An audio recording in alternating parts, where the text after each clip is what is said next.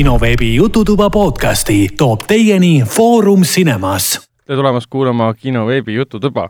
see on meie kolmekümne kolmas saade kindel või?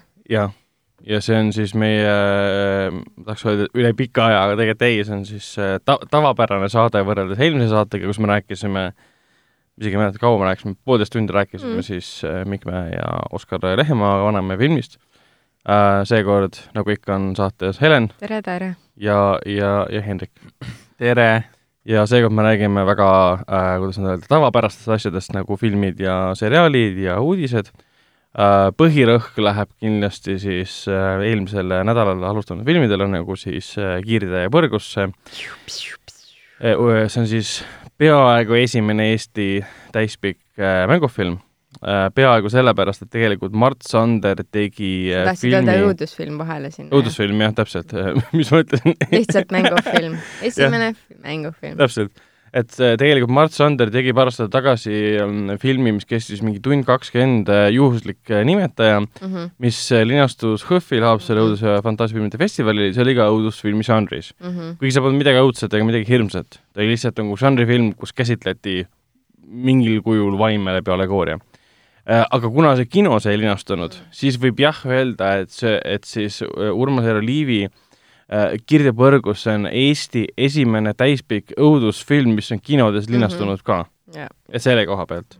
et mõnes mõttes reklaammaterjal natukene on eksitav mm, Mhm. -hmm. et ta ei ole päris Eesti esimene, aga samas ta on teine alles, nii et Mhm. See ei ole ka päris, päris võimas saavutus, et meil on alles teine film.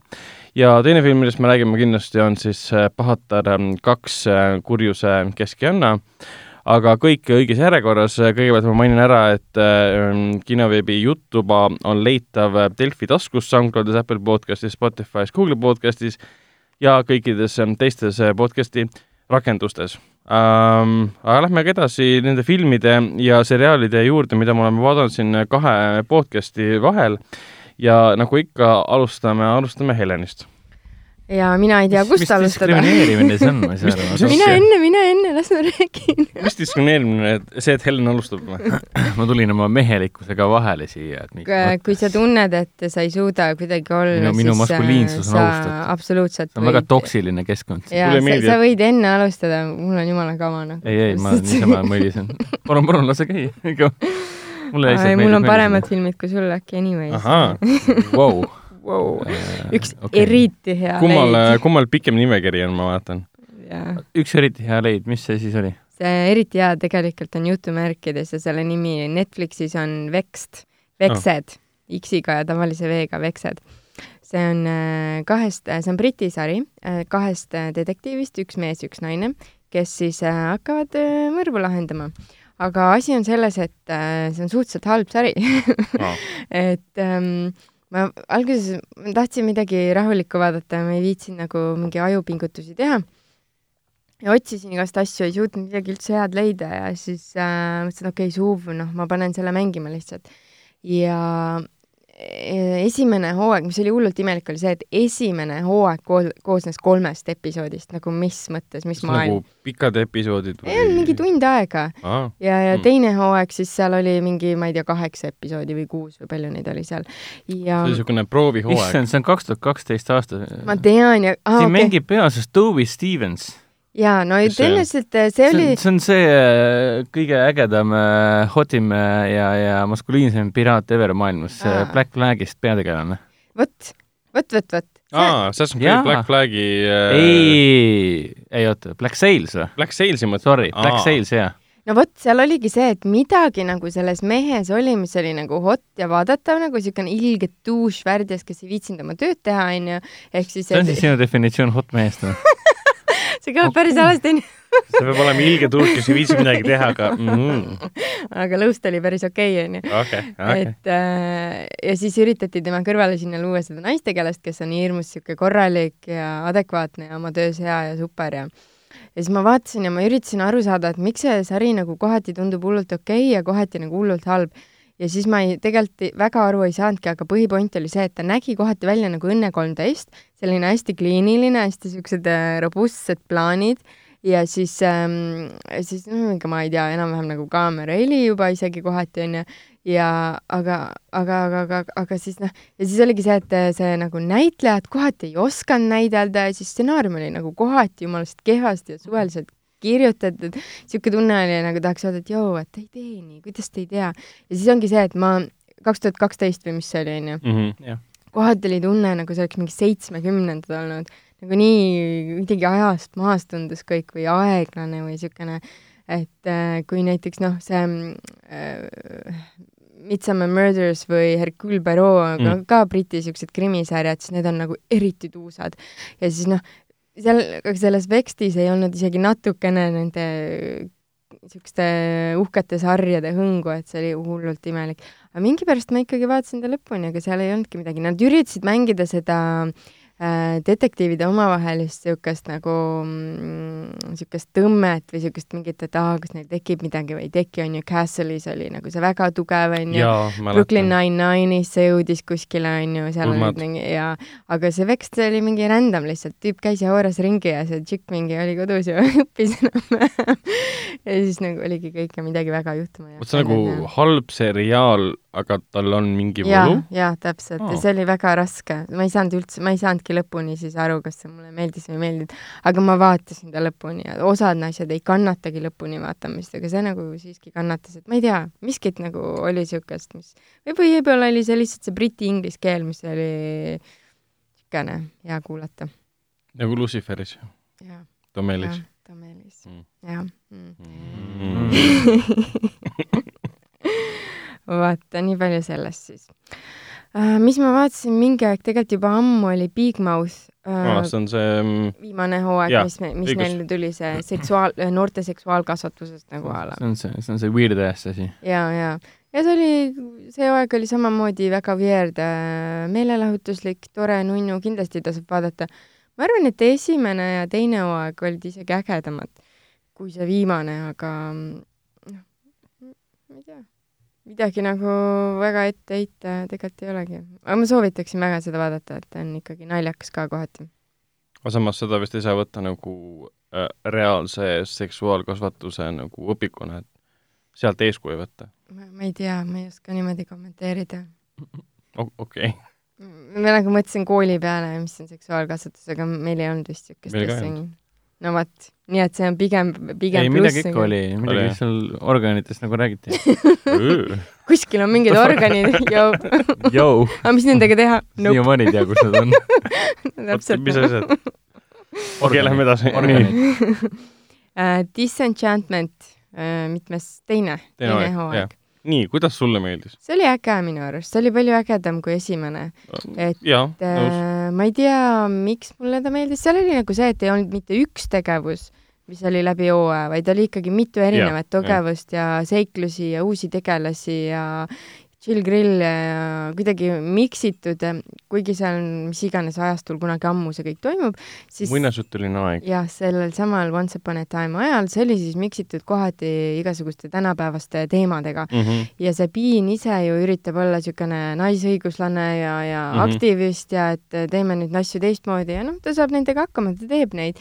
Ja see on, see on äge, see on kuidagi positiivne, see oli positiivne sari, ma ei mäleta, kui väga ma naersin seal, aga pigem oli ikkagi chill. tal on, ta on pigem see, et ta nagu kutsub kaasa mõtlema sellele mm. -hmm. sellele tegevusele Mm -hmm.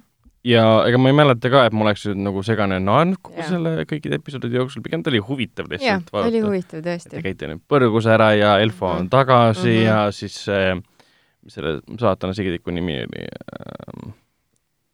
paaritäheline, jah issekene., no see väike saatana kass igatahes, et jah, see kombo, mis neil on moodustatud, on niisugune lahe kombo ja tead see jutuvada töötab hästi ja see isa depressioon Piinil oli ka hästi tore minu arust ja otsis uut kaasat endale. sa leidis selle ühe kaasa endale, kes oli mingi metsas, mingi metsaline, mis oli päris tore. ja see oli väga hea, see oli ka niisugune muinasjutuline, et hästi palju minu arust on, mina olen küll kunagi ammu lugenud neid muinasjutte, kus äh, Eestiski on, ma ei mäleta, kuidas neid nüüd kutsutakse, aga see, et sa nagu muundud, sa oled üks ja, ja siis ma ei tea, kuupaistel muundud ja öösel muundud või mingi iganes, mis iganes, sul on mingi special power.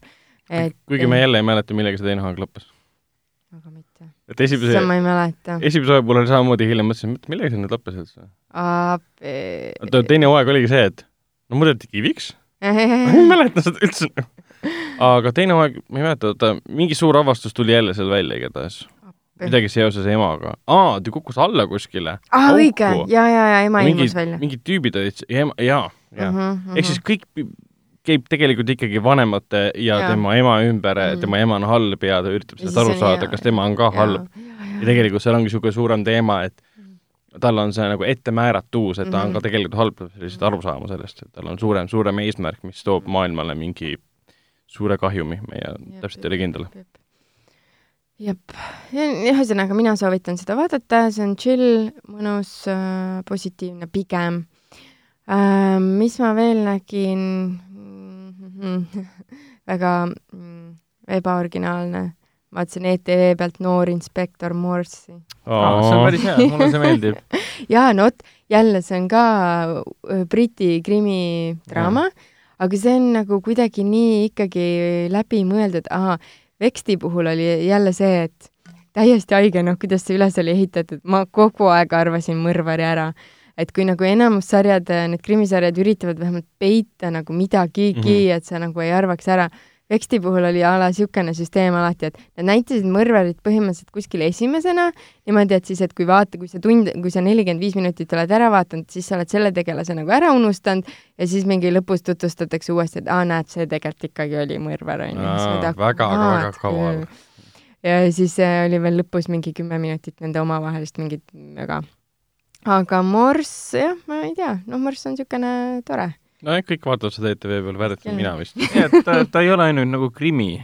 ma tean, isa vaatab meil kogu aeg seda. mm.. aga em- ma vaatan ka nagu nädalavahetuseti, kui, kui õhtul äh, on niisugune chill ja grill olla, siis mulle meeldib sellepärast, et ta on nagu, ta on ka nagu kõike muud lisaks sellele, et ta on lihtsalt krimidraamaseriaal on. mis ta veel on siis? et ta on nagu päevapoliitiline, ajalooline, ja ta on Ta ajastu nagu- oma küll, jah, ta nagu, ta nagu äh, käsitleb kõiki neid aktuaalseid teemasid, mis sel hetkel, sel ajal, sel, seal Mm. kohas on tähtsad nii-öelda.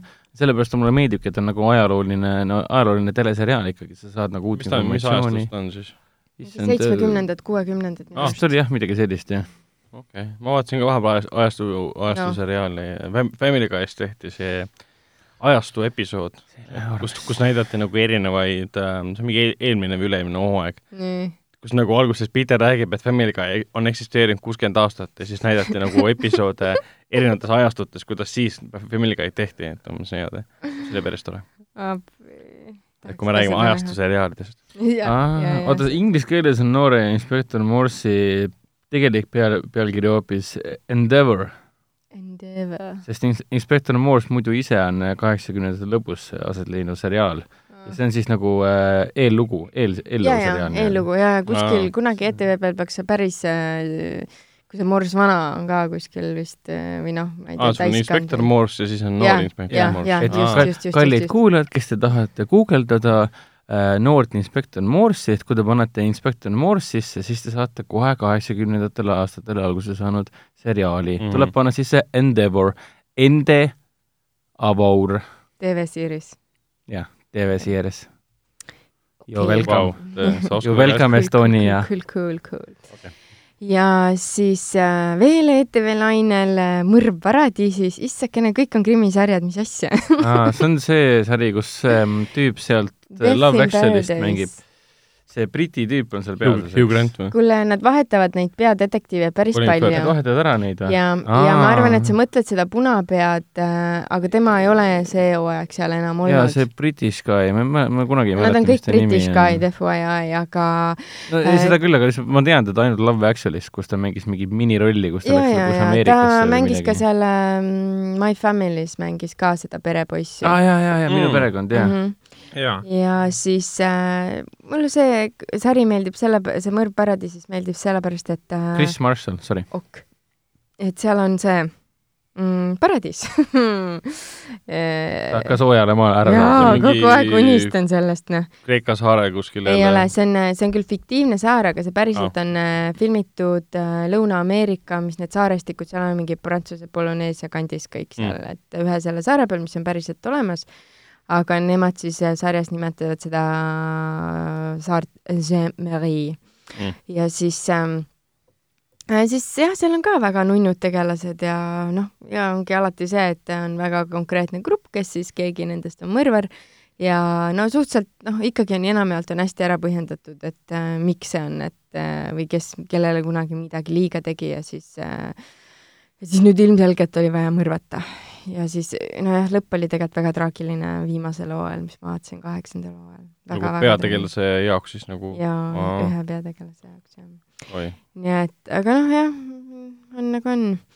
et äh, need suhteliselt rahulikud olid kõik asjad ja siis äh, üks asi, mis Hendrik ka vist vaatas äh, jälle ETV pealt sest rohkem kanaleid mul ei ole peale Netflixi Charlie Chaplini dok, jaa, aga ma ei näinud algust ja ma ei viitsinud järgi vaadata. oi, oi, oi. mis alguses, mis alguses juhtus? kui ma alati küsin, et mis lõpus juhtus, siis palun räägi, mis alguses kuna see juhtus on, oli ju Charlie Chaplini, tal oli nüüd äh, sünnipäev, kui nad ei eksi Aa. või ma ei mälegi täpselt, mille pärast nad seda doki näitasid. see oli nagu tema elus siis jah, või karjääris üllatusi selle koha pealt nagu ei ole, et millega Mm. ta algas, et ta on, ta on, kuna ta on ära raamitud selle Mm. mm., sellega, et äh, dokumentaalfilm algab sellega, kuidas Charlie Chaplin on nii-öelda äh, eksiilis äh, lahkunud äh, Ameerikast ja sest J. Edgar Hoover ihus talle hammast äh, kõvasti ja tänu sellele ta jäigi lõpuks Inglismaale, sealt, kust ta muidugi ka ei, pärit ei, on. ei, ta ei, ta ei jäänud Inglismaale, ta läks Šveitsi ju. jaa, no alguses jaa. Aa, tähendab, päris mõttes. alguses, kui ta sõitis äh, aurikuga, pani üle Mhm. ookeani Inglismaale ja siis ta sai vahepeal teate, et jõu, kui tagasi tuled, sa pead taotlema viisa. ehk siis, ja siis äh, Hoover nii väga tahtis teda vahele võtta kõik, kõikide oma armukeste pärast ja kõikide oma, oma liberaalsuse pärast ja nii edasi, tahtis teda vägisi kommunistiks mm. ära määrida ja nii edasi ja siis sel, selle peale Charlie Chaplin, noh, ta jäi oma teisest kodust ilma, kogu tema elu ikkagi oli Ameerikas. no ja siis sellega ta algaski ja siis tuli see suur küsimus, no see on niisugune populaarajade, ajaloo, ajalooteaduslik, et noh, what would really happen, what Aa, led to okei. this, mingi let's go back in time, mingi oh my fucking god Mm. Mulle tegelikult need populaarteaduslikud äh, ajaloolised äh, dokumentaalfilmid väga ei meeldi, sest nad on nii pressivad peale seda kogu Mm. aeg, et nagu näitad sulle mingit dokumentaalkaadrit ja siis kohe mingi nii, nüüd me saame teada, mis tegelikult tema sisimas juhtus, mis viis selleni, oh jumala hoia, ma loen Vikit siis noh. aga ei, väga põnev dokumentaalfilm oli, mulle, mulle see asi väga-väga nagu, ma, ma, ma ei teadnud väga paljusid asju tema elu keskel nii-öelda, et päris põnev Mhm. oli nagu Vikis seda tema aa, filmide järgi järjekorda Aa, hoida okei, ja okei, siis okei. jälgida neid aastaid. kas seal Aga- oli juttu sellest ka, kus ta mingi viieteistaastasega oota, abiellus ja oota, oota, rasedaks oota, tegi? oota, oota, ja seal Jõuame selleni. aga ma tahtsin küsida seda, et miks see FBI direktor teda vihkas või vihkama hakkas? Ta põhimõtteliselt algusest peale, kui ta popiks sai, ta ihus talle ikka mitukümmend aastat äh, põhimõtteliselt hammast. kõvasti, kõvasti. Äh, temale käis pinda see, et äh, ta on, ta ei ole ju kodanik, ta oli, tuli Inglismaalt, jäi Ameerikasse, sai ääretult popiks, ääretult noh, ikooniks põhimõtteliselt iga, iga, iga väga-väga kodu rikkaks teadis, ka ju. väga-väga rikkaks, väga populaarseks ja ta ihus talle hammas puhtalt sellepärast, et niisugune nii-öelda võõrtööline tuli ja sai hästi Aa. populaarseks ja siis tema pidas äh, endale hästi vajalikuks, et kuidagi peab teda määrima saama, et alguses hakkas Mm. teda mä-, ta ihus hammas tänu sellele, et äh, ta jäi, Chaplin jäi oma alaealiste, noh, napilt alaealiste ei, ei, afääridega olid vahele kõik kogu aeg. alaealised ikka, ta tegi ei, ma ei ma mõtlengi napilt, selles mõttes, et enamik olid neist kuusteist või seitseteist, kohe, 15 kohe oli. kaheksa, noh jah, ei kõik ei olnud oli, viisteist oli. see, kelle ta esimesena paksuks neid oli päris palju. jaa, neid oli väga palju. jaa, aga ma mõtlen, et kõik neist ei olnud viisteist.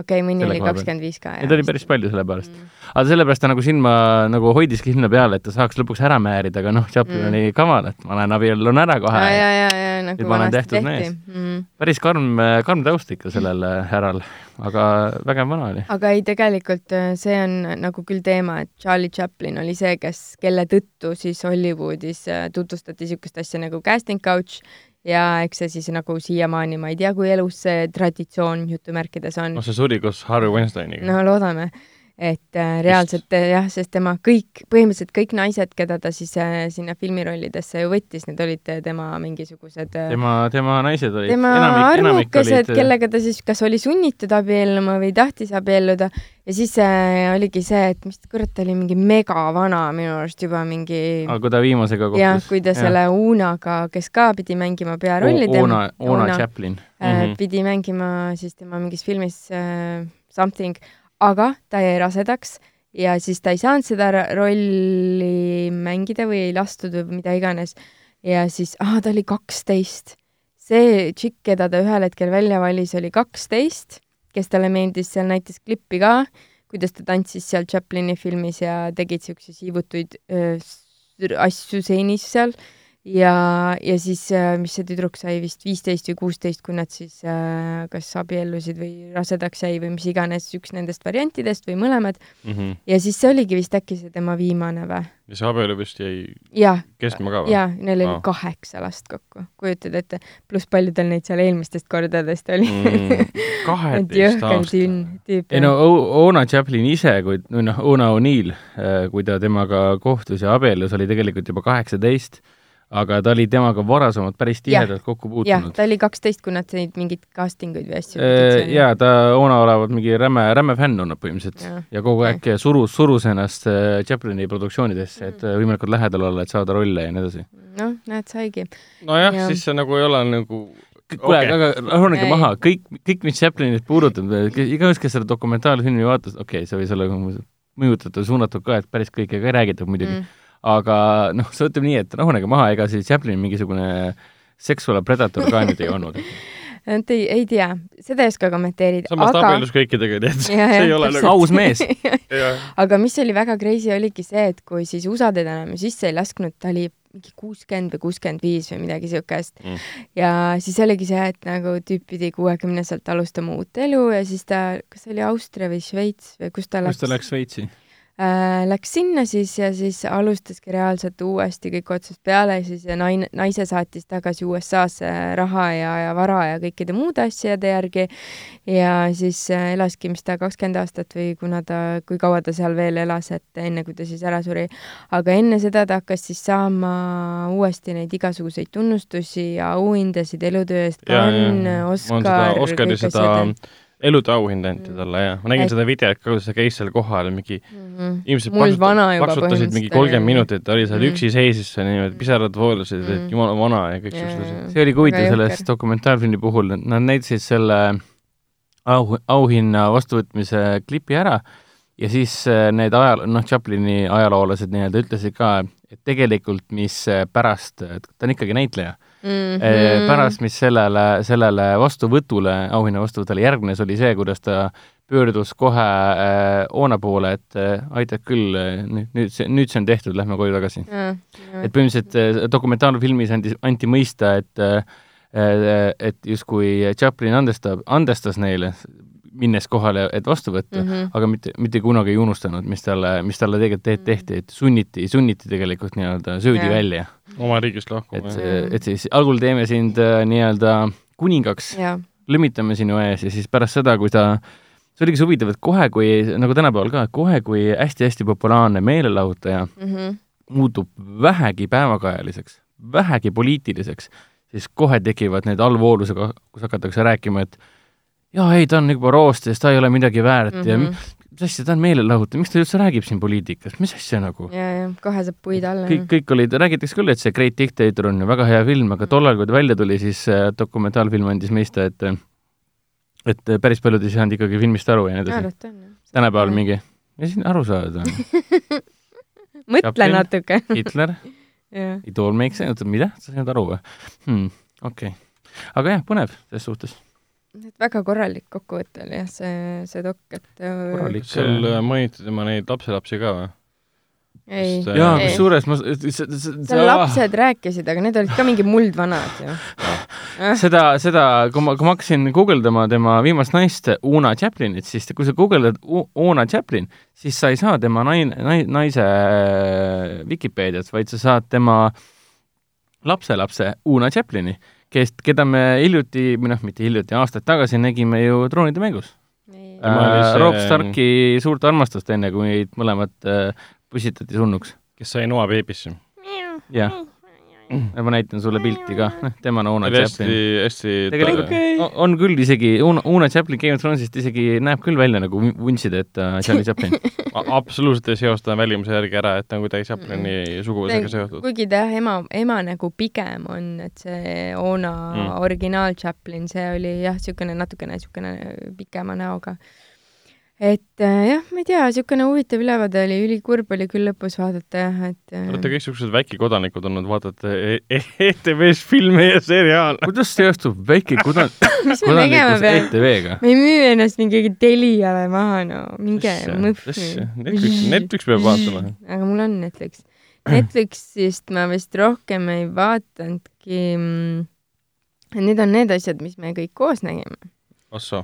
Et millest, millest te tahate alustada? kolm põrgust. jaa, Three from Hell, Rob Zombie uus film, mis on siis tema selle nüüdseks triloogiaks kujunenud äh, filmiseeria siis kolmas film, esimene film oli siis äh, Tuhande laiba maja, House of Thousand Corpses, teine film oli siis äh, Devil's Rejects ja kolmas on siis Three from Hell, mis põhimõtteliselt puudutab kõik noh sa-, samasuguseid tegelasi, kes olid siis nagu esimeses kahes filmis, aga põhituumik kujunes välja ikkagi teises filmis.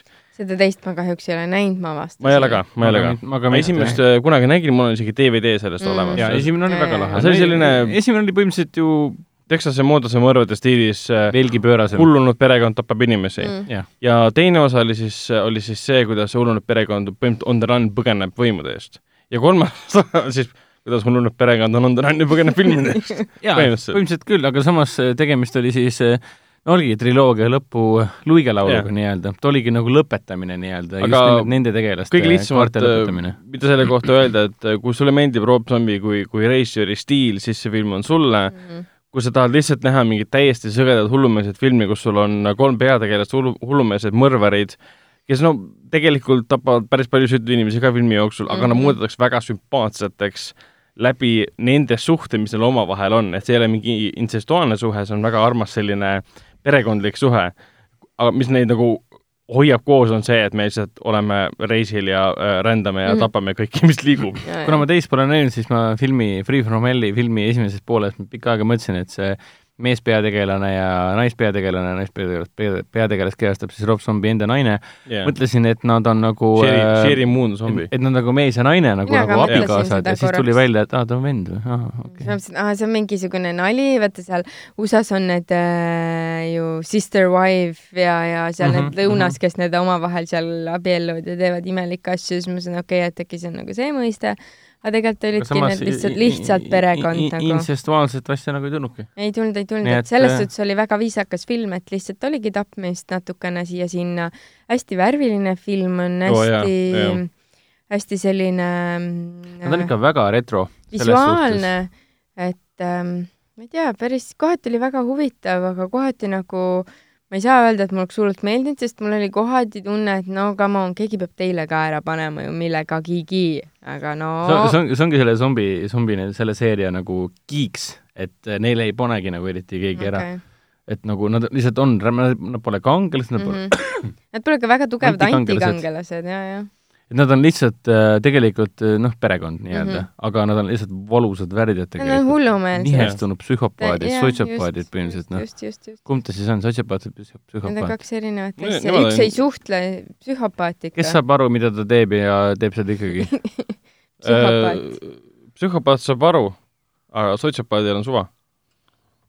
siis, siis on, peaksid olema sotsiopaadid pigem. pigem sotsiopaadid jah, sest neil oli inimelust väga ükskõik. ei, Neid- nüüd ikka psühhopaadid täiesti, need hullumeelsed sotsiopaadid ei suhtle nii väga võib-olla, on ise sind no selles mõttes jaa, sotsiopaadid on anti, antisotsiaalsed pigem jaa, selle aga koha need, pealt. need suhtlesid seal vist ei ole vabameelselt. ka väga psühholoogiliselt korrektne ka, et Sotsiopaadid- on umbes nagu Jokkeri peategelane, nad peavad veits nagu nägema, tegema endale selgeks, kuidas inimlik kontakt välja näeb, kuidas sa peaksid suhtlema, et nad on Need pigem psühhopaadid siis. jah, suhteliselt adekvaatsed äh, muu maailma suhtes. aga Aga filmi filmi filmi suurim võlu muidugi on jah, see Rob Zombie lavastus, see, kuidas see See film välja näeb jah. ja, need näitlejad, valgused, näitlejad ja varjud, need tegelased, see on täiesti pöörane. Filmi, filmi värvigamma on lihtsalt Mm. nii üle keeratud, aga see muudab kogu selle asja väga hullult ja äge, sa hakkad- julge kõik. ja sa hakkad nii kaasa elama nii jälkidele tegelastele tegelikult Mhm. kui lõpuks tekivad mingid ohu, ohu, ohuilmingud, et keegi neist kolmest saab nüüd eh, surma, noh, üks, ma arvan, et seda kolmandat tegelast pole varem olnud kunagi. ei, ei Jah. ole. No miks ta on Freeman Hell, sellepärast et äh, algupärasest kolmest saab äh, üks, üks noh, saab surma äh,, see näitleja, mis ta nimi oli, siid või? Sid Haig, jah, tema ka reaalselt suri nüüd äh, pärast pikka haigust äh,, lahkus meie hulgast ja see tegelane ise ka nii-öelda kirjutatakse siit loost välja, tõenäoliselt zombi teadis väga hästi, et äh, mida see äh, teda mm. räsiv haigus temaga teeb Mm. Et edaspidi ei saaks teha. ei, ta poleks saanud see filmis kasutada rohkem, ta oli nii haige, et ta ei saanud nagu Ah, no pikemas selge rollis olla. õige pilt, aga siin filmis nii vähe, kui ta oli, et ta oli Mm, ikka nii metsik väga friiki nagu, täiega friiki. Kusjuures seda filmi vaadates tõesti tunne, et nagu kus ma nagu elanud olen, miks ma Mm. ei ole David Leeseks ei näinud Jah. nagu, nagu Jah. see film, minu meelest see läks, minu praeguse seisuga on see on minu selle aasta top viies, see Free From Hell. minul, ma ei tea, kas top viies päris, aga väga, väga, väga, väga meelelahutuslik ja väga ägedalt tehtud film. jaa, et kui sulle meeldivad niisugused äh, vanakooli äh, road movie äh, õudusfilmid vot, vot seal oligi jah, see road movie teema Mm. oli ka sees, see oli äge. ja, ja sulle meeldivad sellised eriti niisugused äh, nagu väga kavala käega tehtud äh, retro, retrohõnguga äh, niisugused trash-filmid nii-öelda, siis on täpselt sulle. jah, aga, aga samas ei tasu sellest trassist nagu väga ennast mõjutada lasta, sest ta ei ole halb. halb, ta ei ole üldse nii Jah, halb ta ega põlve ta on, ta on, ta on ta on veits nagu tenniseoperi Easy Rider, et sul on tegelased, kes kuskile rändavad kogu aeg konstantselt ja samal ajal me tutvume nende tegelastega aga. nemad rendasid ju Mehhikosse, jaa, spoiler väike, aga jõudsid Mehhikosse tõesti my bad. äh,. seal oli suur Meksikan, Meksikan stand-off Jep., mis on väga sobilik antud, antud filmi kontekstis. Nii et äh, oli õuduse, oota, mis elemente seal olid? õudus, vägivald äh,, piinamine Veri., no vägivald ongi piinamine. nii et jaa, igati huvitav, et aga ta on, ta on, ta on, õnneks ta on nagu see, et ta on pigem humoorikas film ja naljakas film niisugune lahe, lahedalt humoorikas film, kui see, et sa vaatad ja mõtled, et miks ma seda vaatan, sest see on nii vägivaldne ja rõve ja vastik ja sünge. seda mitte, ta ei ole Mm. sünge film, absoluutselt mitte. okei okay.. Ja no tegelikult me vaatasime veel õudukaid koos ju, et Sweetheart ja Divine Fury. Äh, jah No. no., Sweetheart oli siis äh,, hiljuti tuli see välja, on siis Üksiku saare õudusfilm, seda filmi vaadates ka mul ei tulnud väga palju meelde filme, kus oleks keegi Üksikul saare kinni pluss ja see oleks õudusfilm.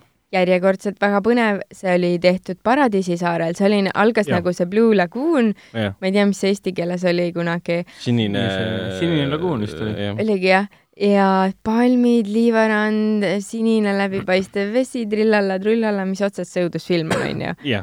aga oli aga, sul on üks neiu, kes äh, alguses me ei saanud mitte midagi aru, meile, mulle väga meeldis see, et sulle mingit konteksti ei anta, ta on lihtsalt rannavees mm.. ärkab üles, üritab ellu jääda saarel, kus ta on üksi mm. -hmm. me näeme, et ta on kuskilt kas lennukist, laevast tulnud, me ei tea seda.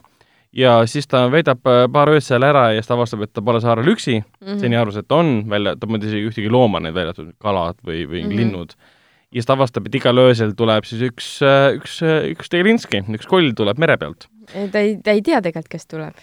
jah, ta näeb Spoiler. me, monstrum me- meile ka ei näidata otseselt, öösel mööda saart ja häirib Keegi. tema eksistentsi. keegi käib. jah, keegi Jaa. käib, kodukäija käib kodukäija. ja, ja siis ta muutub nagu palju niisuguseks kiirema tempoga õudukaks, kui ta on esimeses pooles, Mm. sest esimene pool on päris aeglane. hakkas natukene ikka venima mm. ja ta mingi ah,, me rääkisime ka ju sellest, et, et see oli nagu selles suhtes nõrk kirjutamine, et oli see, et juhtus üks asi, cut to black, hommik Mm mm., siis juhtus teine asi, cut, cut to something else, uued riided. et seal oli nagu siuke Jaa, hästi loll- lolle vigu ja see film oleks võinud kõvasti lühem olla nagu no sest noh, filmi keskmes oli ainult see üks peategelane, mm.. kellel on siis vastasseis, ta on üksikul saarel, tal on vastasseis selle, selle ebamaise Teadmata jõuga. teadmata jõuga, kes öösiti käib luuramas mm. Mm -hmm. vahetava, vahe, vahepeal me saame teada, mis siis temaga juhtus, me kohtume ka äh, nii-öelda laibastunud ja mitte laibastunud mm Mhm, -hmm, mhm. inimestega, kes on pärit samast kohast, kus temagi. aga samas oli näha, et nagu Helen praegu mainis, oli näha ja tunda, kuidas seda venitati täispikaks filmiks puhtalt nende montaaži abil nii-öelda.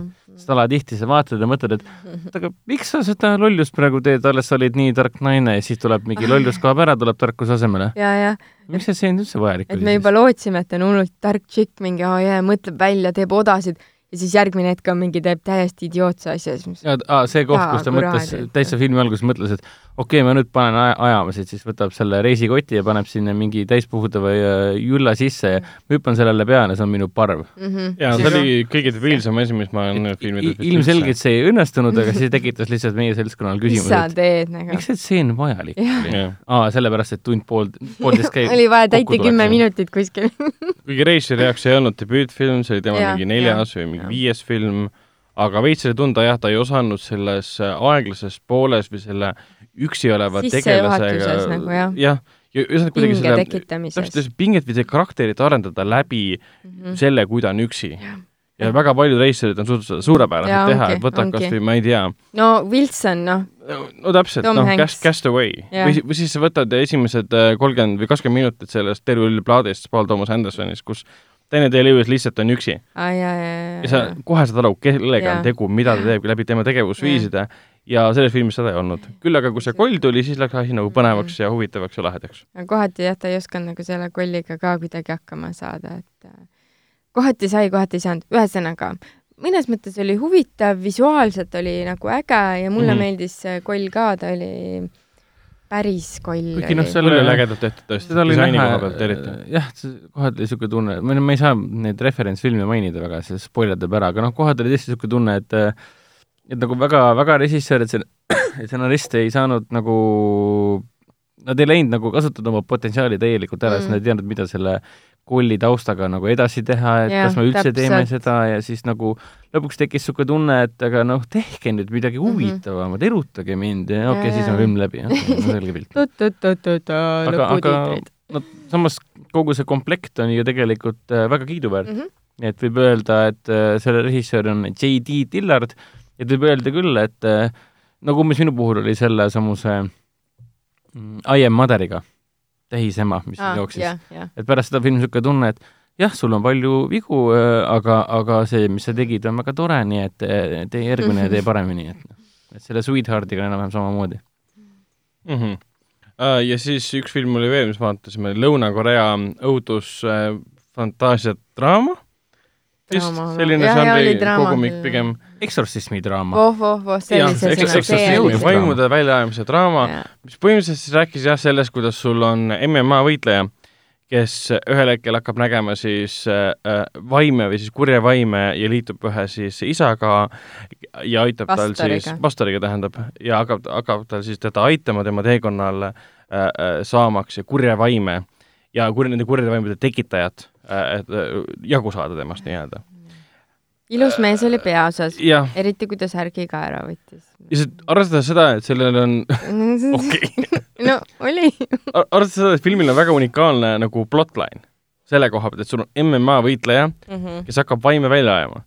ehk siis umbes nagu vaatad Exorcisti, aga sul on peategelane on Maxon Saido asemel on MMA võitleja. ehk siis filmis ongi need stseenid olemas, kus ta annabki nagu MMA võitleja molli inimesele, kes on seestunud äh, kurja teemani poolt mm.. Aga seda on filmis väga vähe. ma just tahtsin öelda, et kas te ei tundnud, et seda või oleks võinud kõvasti rohkem olla, kuidas keegi Jaa. peksab ta oleks võinud rohkem nagu action film no olla kui sul on kogu filmi kontseptsioon seisneb selles, et sa oled äh, probleemse või sünge või kurva taustaga MMA võitleja, keda kimbutavad kurjad teemonid mm Mhm. -hmm. ja siis ühel hetkel avastad, et sul on kätes stigmata ja siis sa avastad, et äh, sinu, sinu kätes stigmata mõjub äh, on divine. äh, seestunud inimestele väga jõuliselt mm, -hmm. ehk siis Mhm. teisisõnu sa nagu äh, lood, noh, teed, perform'id selle nii-öelda eksotsismi puhtalt oma kätega nagu Mhm. superkangelane mm. -hmm. kakled nendega samal ajal, peksad neid rämedalt seda ongi eksotsistidel kõik need aeg nagu no täpselt. vaja olnud, mul on vaja Mm. eriti, eriti oskuslikku, andekat äh,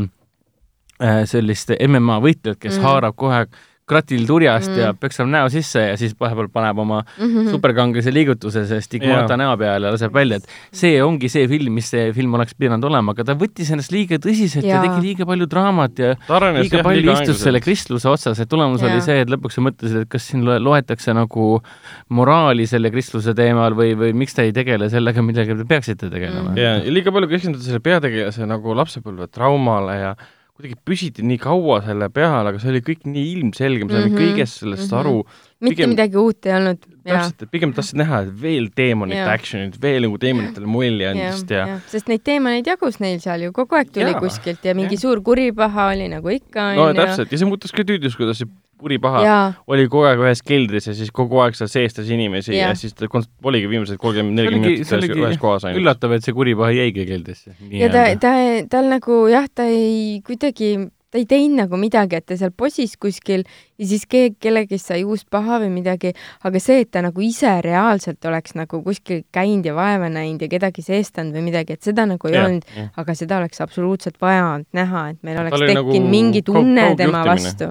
jaa, et ta oli nagu täiesti niisugune igav, igavam vist see sõna. jah, jah, need, mis olid nagu möllurikkad kohad, olid Mm, lahedad samas. mm. -hmm. Aga veits oli küll niisugune tunne ja et nagu kuskilt oleks võinud kokku lõigata midagi ja kõvasti ja välja lõigata jah, ka ja. siis film lõppes ka sellega, et see Divine Fury will return, mis, tähendab, et siis teine osa on ka tulemas. ei, ära Jah, tule, ära tule. Mm. aga üks film, mis me Mm. vaatasime, oli, filmi nimi oli Troon Mm.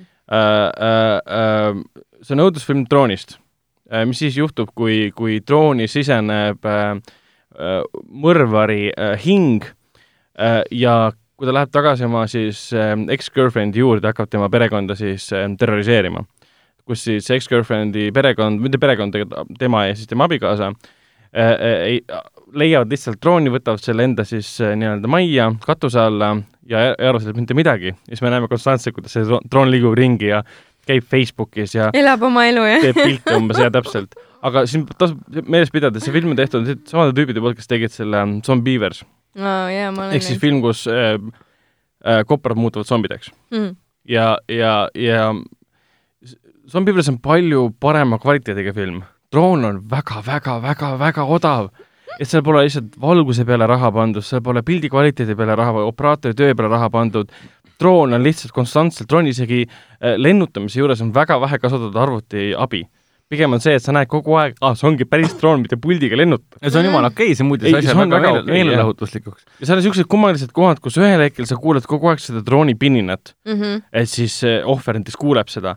ja teinekord, kui on vaja, siis ei kuule keegi seda. droon on peategelase selja taga ja keegi ei kuule, et noh. Aga ühel hetkel, kui see- vajadusele. jaa, täpselt, aga ühel hetkel, kui see droon hakkab seal nagu pildistama naabrinaist, kes poolalasti päevitab, loeb üles pildid siis äh, mehe arvutisse, kus naine need pildid avastab, hakkavad arvama, arvama, et me oleme värskelt abiellunud mingi mõned kuud ainult mm. -hmm. et mees juba vaatab naabrinaist umbes niimoodi, siis ta paneb need pildid üles kuskile, saadab menti näiteks politseisse ja siis ta tapab selle naabrinaise vahepeal ära, see droon, Näh. kutsub politsei kohale ja see politsei võtab mehe kinni, sellepärast et politseile oli saadetud meili teel pildid äh, äh, äh, äh, samast naisest, kes just ära tapeti, sama mehe nagu aadressil koha pealt.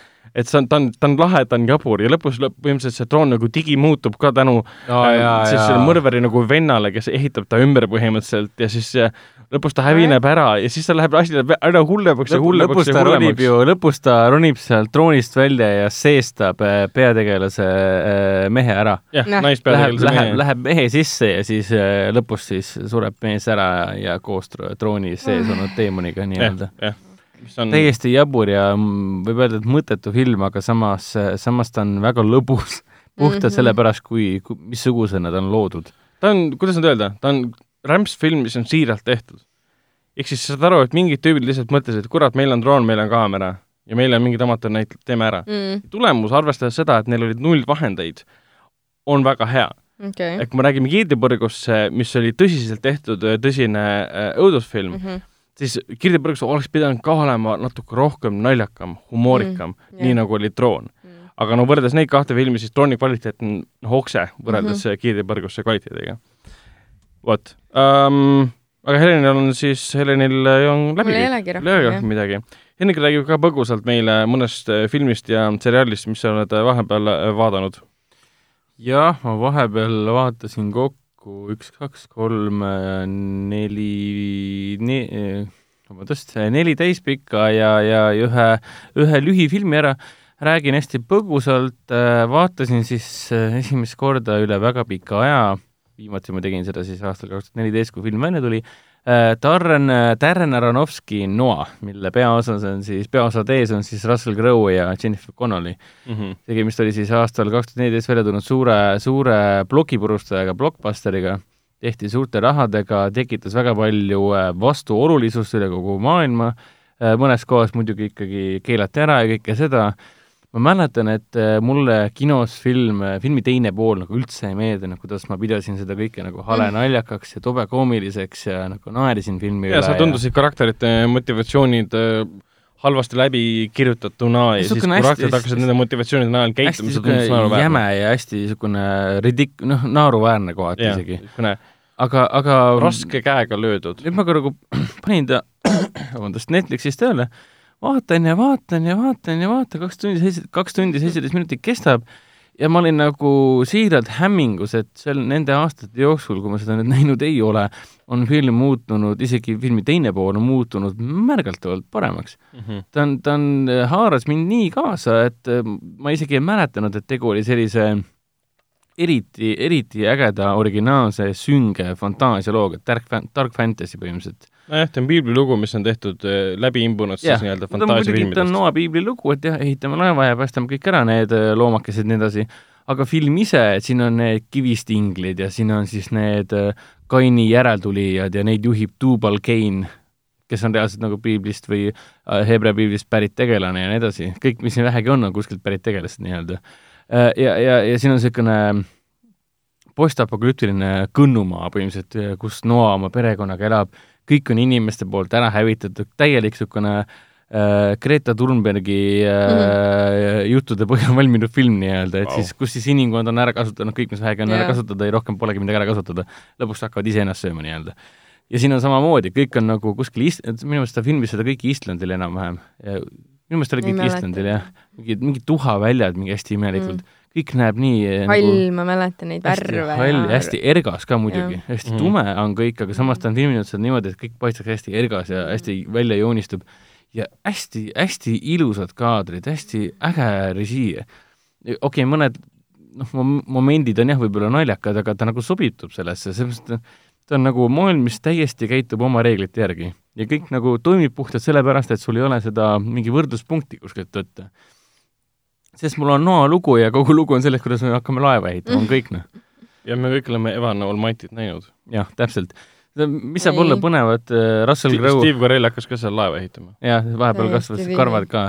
aga see on see, et mis saab olla põnevat Russell Crowe äh, piibli eep eepikas, kus ta ehitab laeva no.? nagu päris, päris hea küsimus tegelikult ju no ma vastan sulle, Metsase piibel, see on, tegemist on täielikult ägeda, originaalse, sünge fantaasialooga, mida ta, mida nende kõikide aastate jooksul, nelja-viie aasta jooksul, ei olegi tegelikult tingimata nii, nii suure eelarvega kinost näinudki, kui see just mm. ei ole Marveli või äh, Warner Brothersi koomiksifilm mm. -hmm. et nagu seda vaadates tekkis mul tunne, et issand, tehke veel neid suure rahaga mm. selliseid filme unustage see, unustage see Morten Engines ära, et noh no, pingutage veel kõik tegid jumalast maha seda, mina olin vist ainukene, kes üritas nagu rääkida äh,. kusjuures ei teinudki, Rotten Tomatoes on täiesti fresh ja, ja lugesin järelkaja ka ja enamik kriitikud olid äh, väga soojad selle filmi vastu. sest ma mäletan küll Eestis keegi selle kohta hästi ei rääkinud. jaa, Eestis küll mitte äh,. mina ma nagu, jah, täpselt, ma nagu üritasin tagasihoidlikult nagu, et noh, esiteks no Russell Crowe onju ja, ja teiseks no, et jah, et et see ongi nagu slow burn film, onju, et sa ei saagi kohe seda pauku kätte, et sa peadki natukene seedima, onju.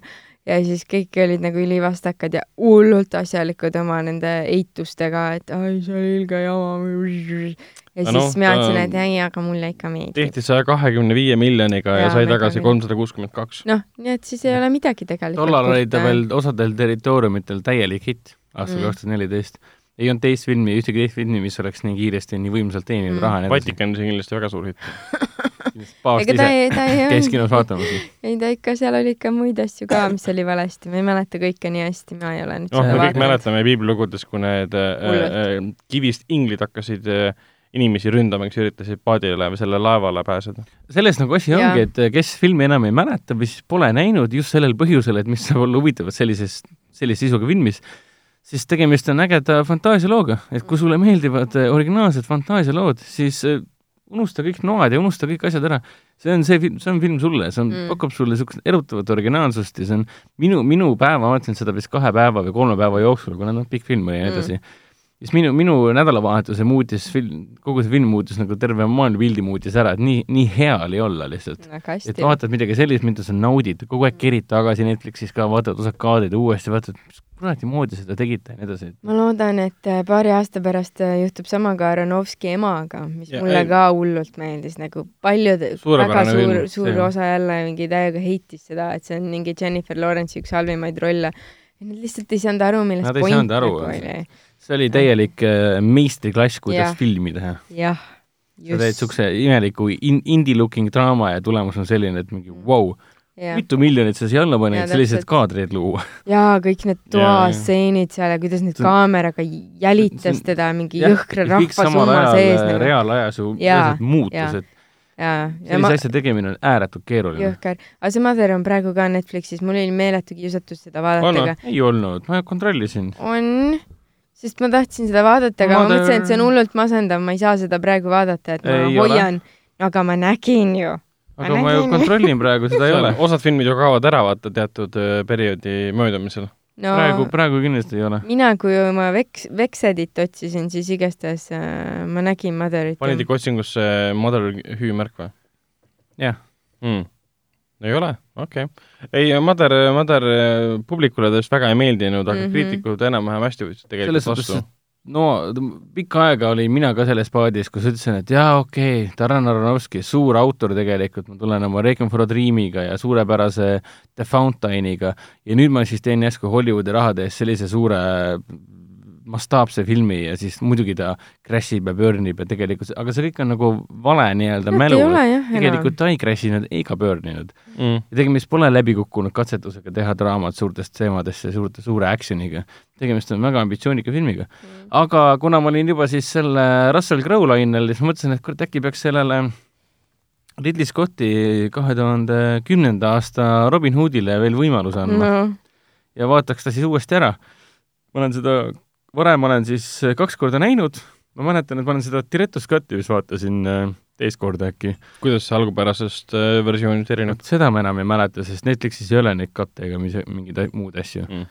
aga ma mäletan, et see oli parem, tal on, Ridley Scottil on alatihti ju ajalooliste filmidega see teema olnud, et äh, Director's Cut läheb paremaks või siis Extended Cut läheb paremaks, umbes nii, nagu oli selle Kingdom of see Heaveniga. on tõesti suurepärane töötus ka, uskumatu. algupärane film mõjus nagu äär, ääretult igasugune slogfest põhimõtteliselt. aga siis tuli Mm. mm. see, ma ei mäleta, mis ta oli, Extended või oli Director's Cut? üks direktorist ka, jah. Director's Cut tuleb välja, siis sa vaatad, hoopis teine film ju, mis toimub, ja. parem ka veel. aga vaatasin siis seda Robin Hoodi ja mõtlesin, et on ta siis hea või ei ole, et ma mäletan, mulle ta nagu alati meeldinud just sellepärast, et see Russell Crowe on siin niivõrd sümpaatne. Aga jah, jätkuvalt hea film, tõesti. nagu Marek St- Strettenfeldi muusika on suurepärane, siin Robin Hoodi tegelaskuju on tegelikult äh, väga lahe niisugune sõjalis-poliitiline draama, draamategelane, draama see on ta ju kangelane, noh, selles mõttes on süngem ja realistlikum variant. no see on see tol, tollal aastal kaks tuhat kümme seal kandis tehti väga tihti selliseid This is a gritty new look on the Jaa, fame, jaa. famous legend ja need, legend ja kuidas Robin Hood, seda nime tal tegelikult ei ole, käib annab tagasi koju. realistliku pinna ja kust, kust ta Jaa. tegelikult, kust legend sündis ta Va,. tule vaata filmi, alles et filmi lõpus ju. nimetati teda Robin Hoodiks tegelikult. jah, täpselt, aga, aga sellest sõltumata, et kui ta, ta on jälle mingi kaks, sada nelikümmend minutit kestab film, kaks tundi kakskümmend minutit Wow. ja, ja taaskord film võtab väga palju aega, umbes nagu noa, et jõuda kuskile ja vaata, minu meelest on väga hästi nagu ära jagatud, mingid, mingid probleemid on ajalisega, et kohati tegid tunne, et noh, minge nüüd edasi, et lõpetage see jama ära, arenege kiiremini, aga samas äh, ta on, mulle meeldib just see selline sünge ja rahulik ja niisugune ajaloolis-poliitiline äh, sõjalis teema, et meil on äh, vana veteran tahab koju, põhimõtteliselt vanamees tahab koju. kogu film on selles, kuidas vanamees tahab koju. koju jõuab siis, kodus on kõik vaesed ja siis ikkagi tuleb mõõk ja vibu haarata, et vähegi midagi tuleb korda teha, et meil uus, uus kuningas, meie juht ja liider, meie meie kuningriigi juht muud ei tee, kui lihtsalt äh, võtab meilt raha ära ja nii edasi. kõik on vaesunud, kõik on äh, vihased, tahavad mässu ja nii edasi. ja selle loo kese tegelikult oligi ühel hetkel see, et nad, kuningas läks võitlema nende talupoegade vastu, arvates, et nemad tahavad mässu teha. tegelikult see oli salakaval plaan tekitada riigis kodusõda, et prantslased saaksid täpselt, tulla D-päeva stiilis laevadega ja randa. see Mark Strongi tegelane mängis siin seda Gottfried, kes siis koos prantslastega sõitis mööda Inglismaad ringi ja nõudis äh, makse välja ja see, kes makse ei maksnud, pandi põlema. jah, no toona polnud seda, sa ei saanud Twitteris kirjutada, oh, Godfrey töötab kuninga heaks. ja, ja siis kuningas arvas, et jah, ta korjab makse ja siis pärast saab alles teada mingi, oota, sa paned põlema siin midagi oma Mm. prantslastest sõduritega, kust need prantslased üldse tulid praegu ja miks kõik mind vihkavad? ehk siis kodusõda ja seda oligi vaja Mm. et mulle selline lähenemine asjadele nagu sobis, ta on muidugi paras pseudoajalugu, ma kontrollisin ka, et päris palju asju ei ju- juhtunud kaugeltki samal ajal, kui siin asjad juhtusid. tegelikult prantslased ei tulnud D-päeva stiilis äh, puust laevadega ei no see jah, aga Ja- teine asi oli ka see, et kui seal algusest nad sõdivad seal Prantsuse eh, ühe, ühe linn, linnuse või noh, selle kindluse all, siis tegelikult Dikis oli kirjas, et sellis-, sellel ajal oli kuningas Richard juba, Richard Lionheart ammu, ammu kodus juba. et seitse aastat tagasi koju läinud juba. aga väga tõsine, tõsi, tõsine ajalooline sõjalist draama, et minu meelest väga nauditav. ja, ja minu meelest võibki seda umbes samamoodi vaadata kui, nagu Noad.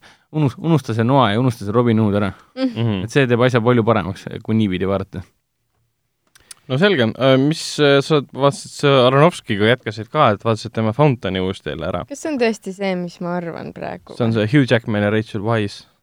jah, see on see üks minu meelest Aronovski mees otsib parim, ravi parim, oma surevale, mees otsib ravi oma surevale naisele, aga lugu näitab teda ta on kolmest tuhandete aastate jooksul ja kauges-kauges tulevikus ja, ka. üks on kongi-, konkistadoorid ja üks on siis nii-öelda olevik ja teine on äh, universumi lõpus, äh, suures sfääris lendab ringi mööda universumit. mina kuulasin seda soundtrack'i juppideks. jaa, see on see Clint Mansell. täitsa pekkes, noh. ta tegi Noale ka soundtrack'i. tehti seda Road, Road to Aid või midagi laadset mm,. täiesti seda Noad hakkasingi vaatama ainult sellepärast, et ma sattusin Spotify's Clint Manselli otsa, hakkasin, hakkasin muusikat kuulama, mõtlesin, et kurat, seda tüüpi pole ammu enam äh, teemas olnud nii-öelda mm.. ja, ja ta koos Aronovskiga, ta oli ikkagi, ja Duncan Jones'i Mooniga ja nii edasi, ta oli ikka ääretult fantastiline ja meeldejääv äh, mm. helilooja. Äh, jah, Fontani vaatasin ka ära, et see on mulle alati kohutavalt meeldinud mm -hmm. ja, ja minu meelest väga ilus ja väga-väga oskuslikult lavastatud film. nii äge, et ta nagu ta nagu hüppab kuskil nagu lugudega ja, ja, aga samas see toimib ülihästi, et ta ja, ei ole nagu lineaarne, et äh, jumal tänatud, et ei ole. Aga noh, film, film tegelikult nagu räägibki surematusest ja surelikkusest ja, ja mida me kõik oleme valmis tegema selle nimel, et meie armastatu ei lahkuks meie juurest. jaa, täpselt, et noh, üks hea tseen oli see, kuidas ta hakkas äh, Tindi sulepeaga, millega tema naine siis kirjutas seda ühte raamatut ka äh,, hakkas äh, oma kadunud äh, kadunud sõrmust taastama endale. tal kadus see naise sõrmus ära mm., ta oli ääretult äh, mm. ääretult valudes selle tõttu, et ma ei leia seda ja, sõrmust üles, ma nii kahetsen seda. ja, ja, ilma igasuguste sõnadeta selles stseenis, ta ei, ta ei ütle välja, ah oh,, ma igatsen oma naist mingi, või noh, ta, ta sõnadega ei mängita mitte midagi. ta lihtsalt võtab, vaatab seda tindisulepead, mida, mida naine kasutas, võtab sellesama ja hakkab siis seda tinti no umbes nagu tätoveeringut tehes suruma endale siia mm -hmm. naha alla ja teeb endale sõrme ümber põhimõtteliselt selle abielusõrmuse joone, musta mm -hmm. joone. ja siis ta vaatab seda. noh, nagu võrratud stseen andes mõista, kuidas ja siis samal ajal nutab, pisarad voolavad.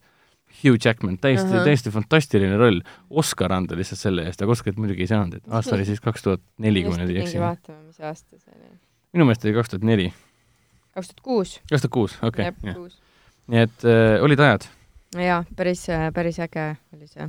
aga, aga, aga tead, meil hakkab ajaga natuke kim, kimpu minema, et vaatasin ära ka ETV-st äh, selle äh, Monika Siimetsa Roosa Kampsoni lühifilmi äh,, esimest korda nägin äh,, väga hea film äh,, Hendrik Almet äh,, Sten äh, Karpov äh, ja, ja Tõnis Niinemets teevad siin fantastilised rollid äh,, Indrek Oeri ka äh,, soovitan kõigil järele vaadata äh,, ja, ja vaatasin ka Artises seda uut prantsuse filmi, mida Artis näitab oma sünnipäeva raames äh, viisteist korda ainult, ma ei tea, mitu korda veel jäänud on. filmi nimi oli siis Üheskoos lõpuni välja, kus terve hulk äh, väga tuntud, eestlastele väga tuntud prantsuse näitlejaid on peaosades. Marion Cotillard. Marion Cotillard ja siis äh, üks pluss ühe peaosatäitja, mitte, mitte Omar Sy, vaid see, kes halatud oli. Ma saan aru, et film on teine osa tegelikult, eelmine film ja mõlemad filmid olid siis Prantsusmaal ääretult populaarsed aga mina siis, me siis vaatasime seda ja vaatasime, et okei okay,, et see on üks, lihtsalt üks suur eneseimetlemisdraama no., sest tegelikult siin dramaatilises mõttes või üldse mingi, mingi värvikuse või teravuse koha pealt et ei toimugi midagi, et kõik on äh, lihtsalt olemise film. ta on nagu lihtsalt, ta ei ole nagu lihtsalt olemise film, aga nad lihtsalt olevat liiga palju hmm. et ta on nagu väga pikk minu arust kaks, kaks tundi ja viisteist minutit äkki midagi taolist ja siin on äh, nagu dramaatiline kude, areng mm -hmm. on mhm. tegelikult täiesti olemas, aga lihtsalt, sa lihtsalt unustad selle loo vahepeal ära, sest nad lihtsalt Kaks olevad tundi. liiga kaua. Nad lihtsalt olesklevad ja kohati tekib niisugune tunne, et ma saan aru, tundub, prantslased said kokku ja, ja mm, -hmm. ja lihtsalt joovad veini ja söövad juustu ja, ja söövad head paremat ja naeravad oma naljadele. kohati tekkis selline tunne mm. -hmm. et ebavajalikult eh, pikaks venitatud, selle asemel, et keskenduda tegelikult väga tugevale dramaatilisusele, mis oli filmis täiesti olemas. Aga seda lihtsalt ei leia enam ülesse. filmi lõpuks on niisugune tunne, et nagu millal see ära lõpeb mm,. appi kui kohutav. kuigi kõik näitlejad on väga ägedad. see ei vabanda välja seda. jah, kahjuks ei vabanda aga, aga siis on ka minu meelest kõik. okei okay., ma mainin nii palju ära, et ma vaatasin äh, kolmeteistkümnenda sadalase üle pika aja uuesti üle, tegemist on siis John McTiernani äh, X-Racer, kes tegi esimese mm, kiskefilmi, kes tegi esimese ja kolmanda Visa hinge, kes tegi Hunt for the Red Octoberi, ehk siis üks legendaarsemaid Hollywoodi mälulifilmide reisijare, kes siis pole viimased kuusteist aastat ühtegi filmi teinud, sest ta wow. läks seadusega pauksisse, istus kinni tükk aega ja siis on räigelt palju võlgu ja keegi ei anna talle tööd enam. ehk siis Oh how the mighty have fallen and so on. Mhm. aga ta tegi üheksakümne üheksandal aastal siis Michael Crichtoni romaanil põhineva filmi. romaan ise ilmus kuskil seitsmekümnendatel ja see on sama autor, kes kirjutas Jurassic Parki raamatu.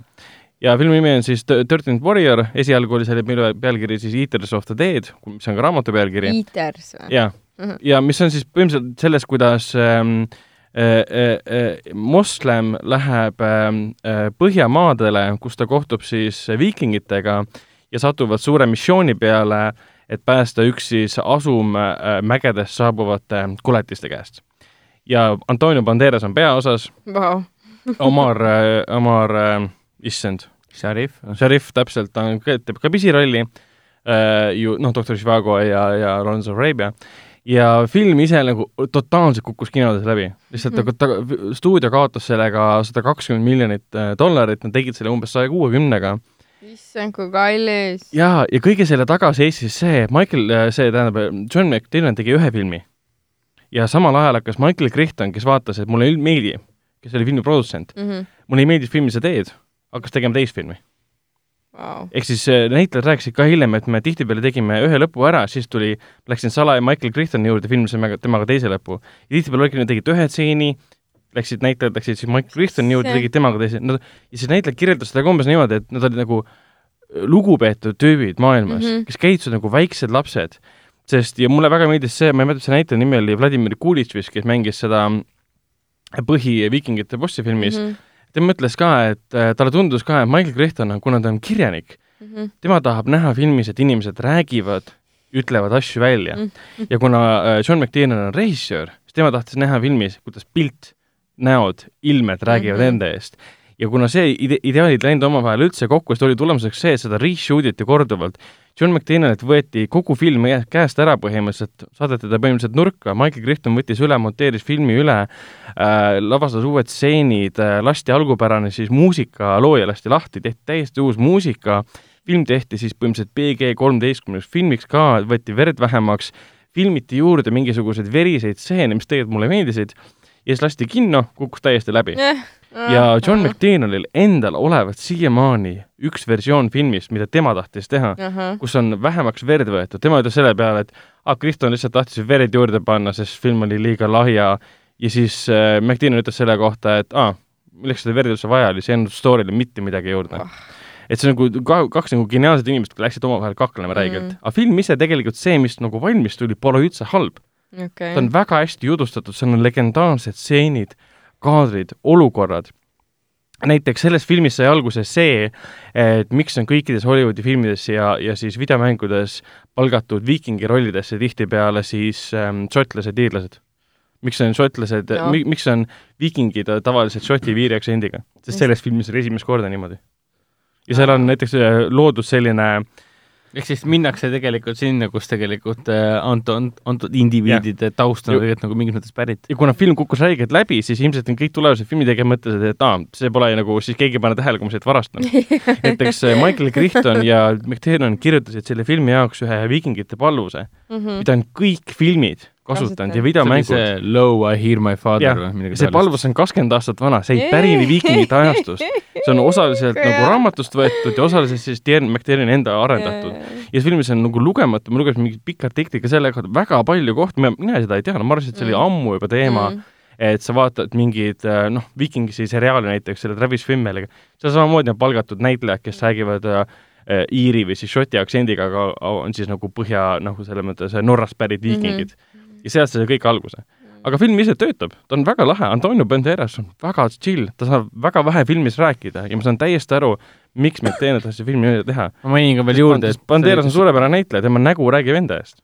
ma mainin ka ükskord juurde, et sa võid rahulikult edasi rääkida, aga see oli ka nagu minu täielik lapsepõlve lemmikfilm. jah, jah, ma seda lapsepõlves vaatasin ikka kogu aeg vaatasin, iga kord, kui võimalus oli, siis me vaatasime seda filmi. kõige ägedam on see, et see on Hollywoodi film ja siis McTiernan lihtsalt läks Rootsi, UK-sse, Norra casting ule mm, -hmm. et Mhm. palgata viikingite rollidesse reaalsed Põhja-Euroopast pärit inimesed, kes oleksidki nagu norrakad ja rootslased ja okei okay,, ta võttis iir-, iirlasi ja neid šotlasi ka. mm. -hmm. ja, ja esimene pool filmist põhimõtteliselt ongi niimoodi läbi tõlke, peategelane ei oska norra keelt. ja kõik teised räägivad norra keeles. okay,. Okay, esimene, esi-, mitte esimene pool, vaid esimesed mingi kakskümmend minutit räägitakse ainult norra keeles ja peategelase tõlgitakse. ja seal tuleb legendaarne see mm, stseen, kus peategelane istub äh, lõkke ääres, vaatab, kuidas kõik norrakad omavahel räägivad ja ta ei jälgi, kuna ta on ise väga intelligentne äh, kulturnik, skolar äh, õpetlane Iraagist vist oli pärit, jälgib, kuidas siis norrakad omavahel räägivad ja teeb keele endale selgeks ja hakkab rääkima nende keeles, aga meie kuuleme seda nüüd inglisekeelsena, nad kõik räägivad omavahel uuesti siis inglise keeles mm.. Aga see on minu arust ideaalselt tehtud see üleminek, kus selgitatakse sulle ära, miks norrakad räägivad inglise keeles filmis vaata tavaliselt me vaatame mingit filmi, mis puudutab mm, Mhm. -hmm. ma ei tea, Venemaa variaake nagu vi vikingite vari variandid olidki variaagid, siis vaatad, kõik räägivad inglise keeles nagu okei okay,, ja miks. siin on see, et nagu filmi alguses kõik rääkisid omaks või noh, oota, kas Banderas rääkis siis araabia keeles? ei, ei, Banderas räägib inglise keeles see on hu- huvitav muidugi, ja ma Omar Sharif ka. et ma, et ma tulen nagu äh,, kust kandist ta tuli, Saudi Araabiast või? ei, ta tuli minu arust Iraagist oli. aa, noh, Ahah. tulen Iraagist ja Kes- räägin inglise keeles. jah, pluss kes tegelikult ta ise, tal on tõenäoliselt ju väga mega see Jah. Hispaania aktsent ju, tal on siiamaani see ju samas on ikkagi tore, tore, et sa nagu ingliskeelne inimene tuleb ja kuulab ja siis ühel hetkel, see oli see naljakas moment, kas sa mainisid seda just praegu ka, kus ta nagu istus ja kuulas ja lõpuks ütles midagi roppu, et mingi äh, midagi sõimas te- ke- ühe viikingi ema või midagi taolist. Ja, ja, ja ta ja. tegi seda inglise keeles, olge, olles justkui ära tõlkinud enda jaoks ja nüüd publik kuulab ka seda kuidas nad räägivad mitte norra keeles, vaid nüüd räägivad Et siis noh, justkui norra keeles, aga kõik tegelikult inglise nad räägivad omavahel norra keeles, aga meie kuulame seda inglise keelsena. ja minu arust see on väga kaval võte, kuidas see keelebarjäär üle viia inglise keele peale. igatahes soovitan vaadata, kui kus, kuskilt see üles leida, see on väga äge film ja algupärane muusika on isegi seal äh, Youtube'is äh, ka olemas ja üks tuttav mulle rääkis ka, ta mäletas, et ta nägi kunagi kosmoses selle filmi esimest äh, treilerit, mille nimi oligi of the Dead. aga mm. kuna filmi andis välja, vist oli Touchstone Pictures, mis Mhm. kuulus Disney alla, siis ühel hetkel Crichton ja siis Disney mingi the Dead, meie, see tundub väga sünge pealkiri, paneme Dirty Warrior, see kõlab nagu mingi seiklusfilm. aga film tegelikult on suhteliselt verine, pead lendavad ja kõiksugused asjad. et väga-väga lahe äh,. Lisaks olen vaadanud Netflixis, Netflixis Paul Raadi uut äh, seriaali Living with yourself. see oli seriaal, mitte film seriaal, jah. Ma sain ka sellest alles hiljuti aru. et esi, mul kogu aeg pakub, aga siis ma ei viitsinud vajutada ju ometi ei see on päris tõus, esimesed kaks episoodi vaatasin ära, päris äge, jah. veits nagu, veits nagu, nagu lükkab eemale alguses võib-olla see idee, et sul on jälle mingi kesk, keskealine mees, kes, kuna õnneks ta on Paul Raad, vaata okei. okay., kes tunneb, kes on endast kahju ja depressioonis, aga seal on see, et ta läheb äh, teatud spaasse, mis peaks värskendama tema yeah. elu. aga mida ta avastab, on see, et nad kloonivad seal inimesi ja matavad algupärase inimese, tapavad ära põhimõtteliselt yeah.. aga tema ärkab üles pärast mingi, mis juhtus ja siis on kaks tükki neid. Ja see on, ehk siis niisugune comedy, comedy ensues ja Paul Rudd on suurepärane, et tema pärast puhtalt tasub vaadata okei. ja lisaks vaatasin siis Telia HBO-st äh, Watchmeni seriaali esimese episoodi ära äh,, minu arust on väga hea see, see jälgib siis pigem Alan Moore'i koomiksi lõppu kui siis Zack Snyderi filmi lõppu, et kui Watchmeni film või Watchmeni koomiks on kuidagigi tuttav, siis soovitan seda vaadata. see on ta on väga ikka nagu, väga koomiks siis, koomiksi järg nii-öelda, jah? Kuigi seal on väga palju aastaid nagu möödas ja seal on väga palju tühimikke, mida kohe sulle ei täideta. ehk siis tegelased nagu räägivad asjadest, mis on neile ilmselged, aga meile infot ei jagata. mul konstantselt mingi küsimus hmm,, küsimus, küsimus, küsimus, küsimus, aga see ei tekita arusaamatust loost arusaamisel. pigem seal on mingid kontekstid, millest tegelased jah. räägivad. See Ja- väga meenutab seda Lindelofi teist seriaali, mis ta tegi, seda Leftovers. jah, umbes sama. Leftovers algab inimesed, et mingi suur Leftovers sündmus algas kohe sellega, et sün-, sündmus on ära olnud ja siis Ja kogu täpselt. maailm on täiesti muutunud, siis tulevad need äh, äh, mis need oligi, see kultus, kes on ülevalge jah. ja suitsetavad ja keegi mitte muhvigi sulle ei selgita ja siis lihtsalt räägitakse asjadest, millest sul pole õrna aimugi ja mingi siin, ah, siin on tegelikult samamoodi, et kui sa ei ole filmi ega seriaali kunagi näinud, seda komiksit kunagi näinud, sa võid tühjast äh, kohast seda se- seriaali vaadata ja sa ei kaota midagi sellega. Sul aegamisi tehakse mingid asjad selgeks, aga minu arust on väga hästi tehtud, suurepärane äh,, väga julge ja väga ägedalt äh, tänapäeva ka toodud, arvestades seda, et äh, ma ei, see Alan Moore'i äh, koomiks oli, mis ta oli külma sõja ajal loodud. ja külma sõja nagu kontekstis seda kritiseerima pandud ka äh,. Ja viimasena mainiks ära, et ma vaatasin Breaking Badi filmi ka, El Camino a Breaking Bad movie, mida nüüd siis Netflix andis teada, et vaatas kakskümmend viis miljonit majapidamist esimese nädala jooksul okay. ma ei tea, kas see on rekord või mitte, nad hiljuti andsid mingid numbrid välja. Nad ei avalda tavaliselt üldse Ei. numbreid, nii et see Ei. on nagu Ainult, päris hea äh, nagu. uhkeldavad. ainult neid Jaa, numbreid, mida nad teavad, et on suured, avaldavad. muidu nad teavad Jaa. midagi selle kohta. mis tunne siis oli vaadata filmi, mis mille seriaali sa ei ole näinud. On, on järg seriaalile, milles sa oled ainult pilooti näinud. ei, päris äge oli. selles mõttes, et äh, ma ei, ma ei tundnud, et ma otsast midagi ilma jäin, sest lugu oli arusaadav. ma sain peategelase kimbatusest aru, seal oli flashbackid sisse pandud, mida, see oli küll uuesti nagu lavastatud flashbackid mm -hmm. selles mhm. mõttes, et neid asju ei olnud varem vist nähtud. ja seal korra Walter White tuleb ka sisse, ma ei, äh, konteksti ma ei- seda ei mõistnud, et mis hetkel see aset see flashback leidis, ilmselt seriaali fännid saavad sellest aru. aga kuna ta on dramaatiline film Mm. alguse ja lõpuga ja arendusega, siis mina vaatasin seda niisuguse pilguga ja väga äge. pluss Aaron Paul, Jumala äge näitleja. äge, vaata ta teeb äh, seda BoJack Horsemanis ikkagi seda tüüpi. Ma olen maininud seda ka varem, ei mäleta. ja siin samamoodi, et ta alguses ta põgeneb kuskilt kultuse või mingid hullud narkarid hoidsid teda puuris kinni mingeid aastaid vist äh,. Äh, ja ta on nagu ära räsitud ja veristatud ja ta on täiesti nagu habras nagu haavaleht, hoiab relva käes ja väriseb umbes ja kuidas ta sellest üle saab, põhimõtteliselt on väga hästi tehtud. ja pluss selles filmis on hästi palju neid, ilmselt on se- seriaalis ka neid vaikseid karakterimomente, Mm. Kus tegelane kuidagi, kuidagi vaatab enda, näitleja üritab nagu tegelase sisse vaadata või olla omade mõtetega üksi. et kuidas sa lavastad näiteks seda, kui inimene mõtleb oma häälega omaenda peas, ilma et sa paned voice-over'i sinna juurde. sa pead midagi ju näitama, me kõik räägime mõnikord oma häälega peas, me, me noh, võib-olla on mõned, mõned inimesed maailmas, kes ei kuule oma no,, omaenda häält peas, see on võimalik täiesti. aga see on väga nagu, kuidas öelda, ilusalt lavastatud need hetked. ja, ja minu jaoks oli huvitav, nüüd on see, et ma vaatan Breaking Badi ka ära. nagu viimane aeg, viimane aeg. kõige viimasem aeg, jah. vot, aga lähme, lähme edasi eh, filmide juurde, mis nüüd eelmisel nädalal kinodes alustasid, nende hulgas olid Kiirtee põrgusse, Pahatar kurjuse käskijanna, Petson ja Findus, Findus kolib ära ja mina, Leonardo ja siis ka komöödia Jeksi. Nendest filmidest meie va- Jeksi. Jeksi, vau. Meie vaatasime nendest filmidest ära siis äh, Pahatar kurjuse käskijanna Mm.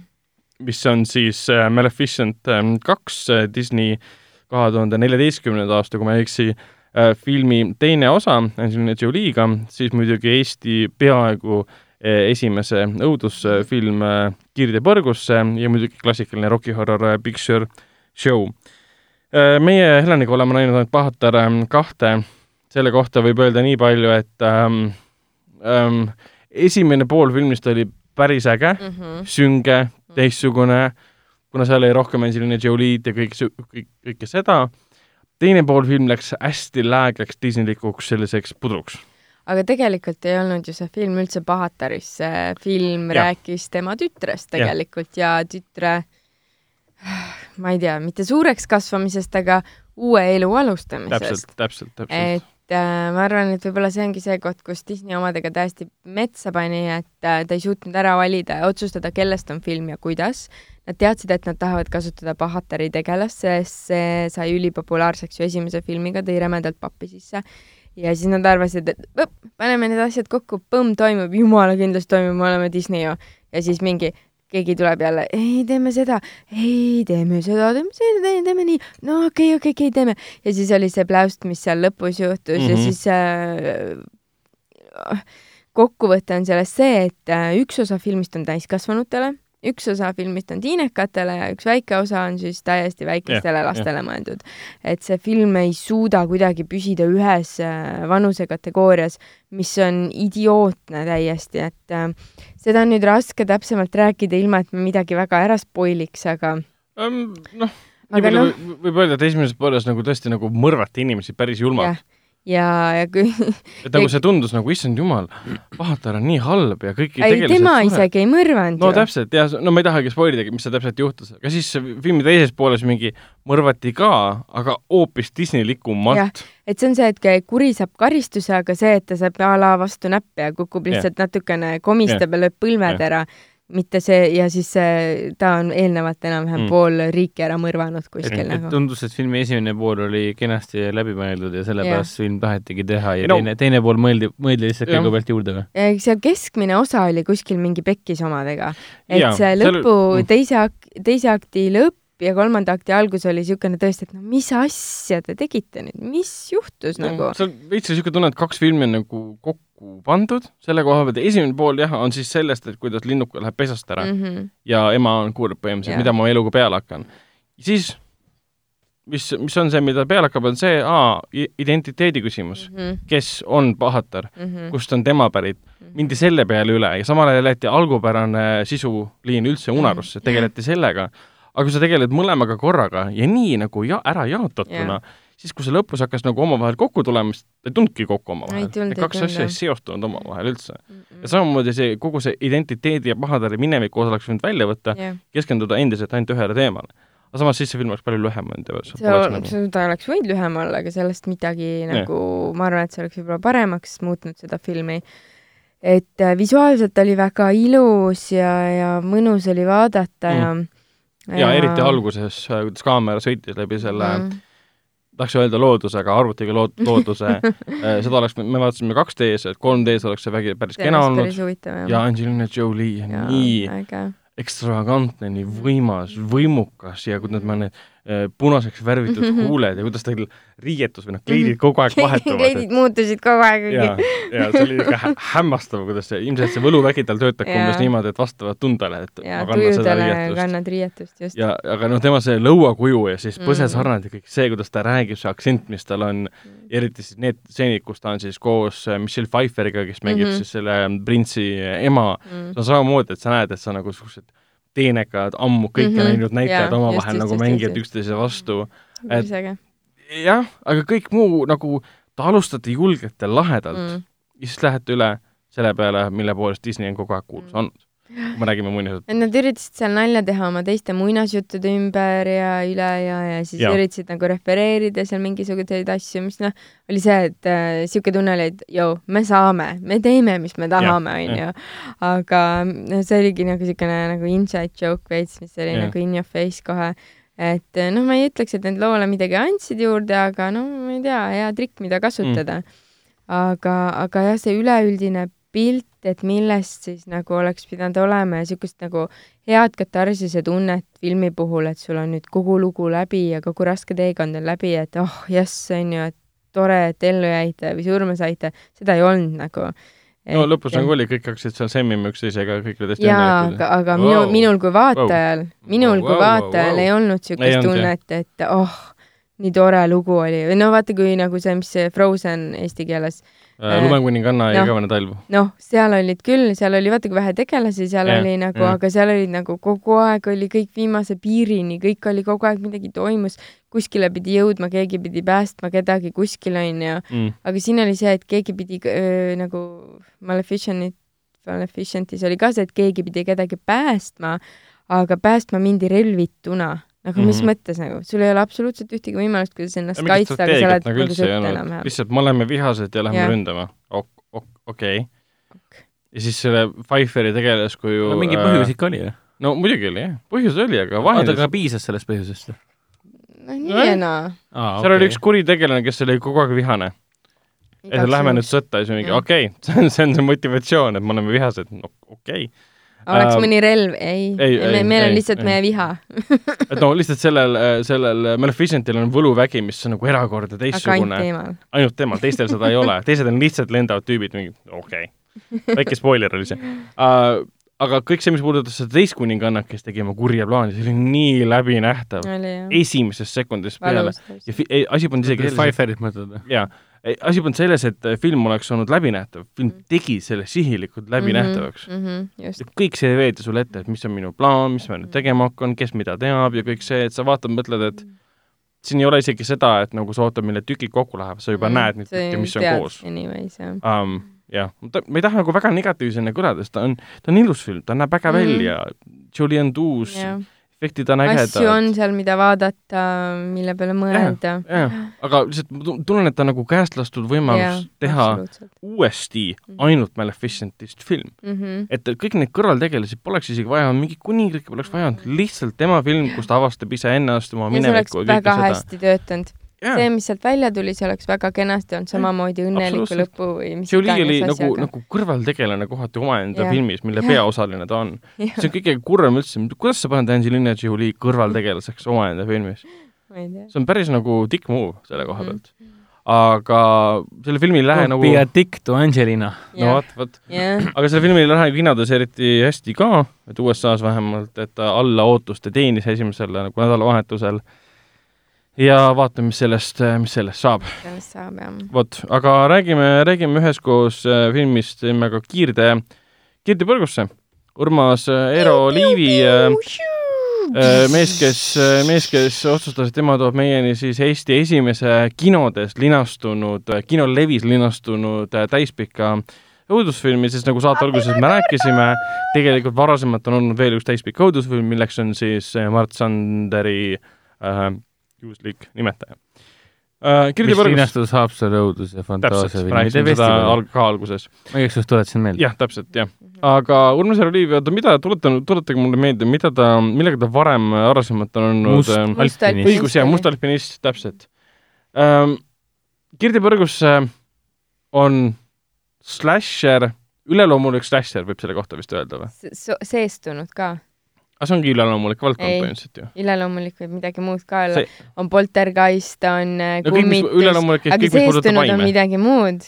seestunud on ikka see, kes ronib sulle. aga see on ka ju hing ja üleloomulik osa. kummitus ei pruugi sulle kuskile sisse ronida. oota, aga kas me saame okay, sellest me ei pea, me ei pea selle pärast vaidlema kas, kas mina võtan seda filmi lihtsalt, võtan seda Üleloomulik- filmi lihtsalt klassikalise slasherina nii-öelda. on üleloomulike kas me, kas me. võime rääkida sellest ka, mis järgmisel korral toimub? No me võiks ju mainida. järgmine saade? No järgmises kas see on saates- nagu sada protsenti? jah, järgmises saates me öö, oleme koos öö, Kirde Põrguste reisijariga Urmas Eero Liiv, Urmas Eero tuleb. kus me räägime, räägime kogu saate vältel õudusfilmidest, filmidest, Eesti esimesest õudusfilmidest, Urmas Eero öö, räägib kõike, mis on see tema on, see on küll väga lahe, ma nii ootan, et nüüd ei- äh, härra, härra Liivi ja yeah. aju nokkida äh, žanrifilmide ja teemal ma ei. taha nüüd põnevaks muutuda, kas mõni näitleja ei tahtnud tulla? No praegu kus on räägi- Kristjan Kasearu? meie uus lemmik ta oli nii äge seal filmis, ma olen nii armastasin teda seal teda oli nii, teda oli nii vähe siin filmis. äh,. Spoiler. aga räägime korraks äh, filmist ka, ütleme niimoodi, kuna reisijal ise nägi päris palju kurja vaeva äh, reklaamides, et see film tuleb halb, ise ta seda ütles äh,, ütles seda HÖFFil ka tegelikult rahvale ja esilinastusel. ja esilinastusel, siis ta nagu, nagu, nagu la- laadis inimestes sisse nagu teadmise, et see tuleb rämps. Ma juba olin täiesti veendunud, et see tuleb rämps, lähed kinno vaatama, jumala okei okay.. mina õnneks ei üldse, ma üldse ei kuulanud, vaata, see on see, nagu ma treilereidki ei vaata Aa, et ma iga kord ei kuula. ei, ma ei hakanud, mis mõtlesin, kõik mina, otsustan ise, mis mulle meeldib ja mis mulle ei meeldi, onju.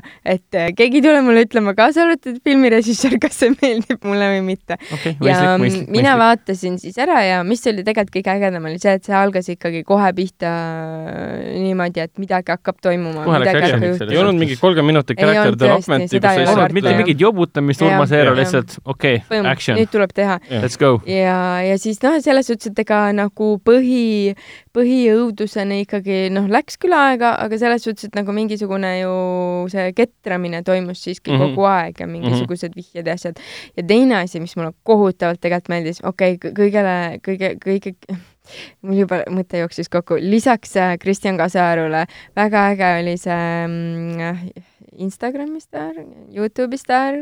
aa, see Birgitte Susanne Hunt. Jaa. Brigitte Susanne. Hunt. hunt, keda oli äge näha, sest ähm, mina küll ei tea nendest insta asjadest midagi, aga see, et oli kasutatud nii-öelda influencer'it, kes on Eesti rahvale teatud äh, kui, kui, kui internetiinimene, siis nüüd ta on nagu näitlejana sinna pandud, et see oli äge, see äh,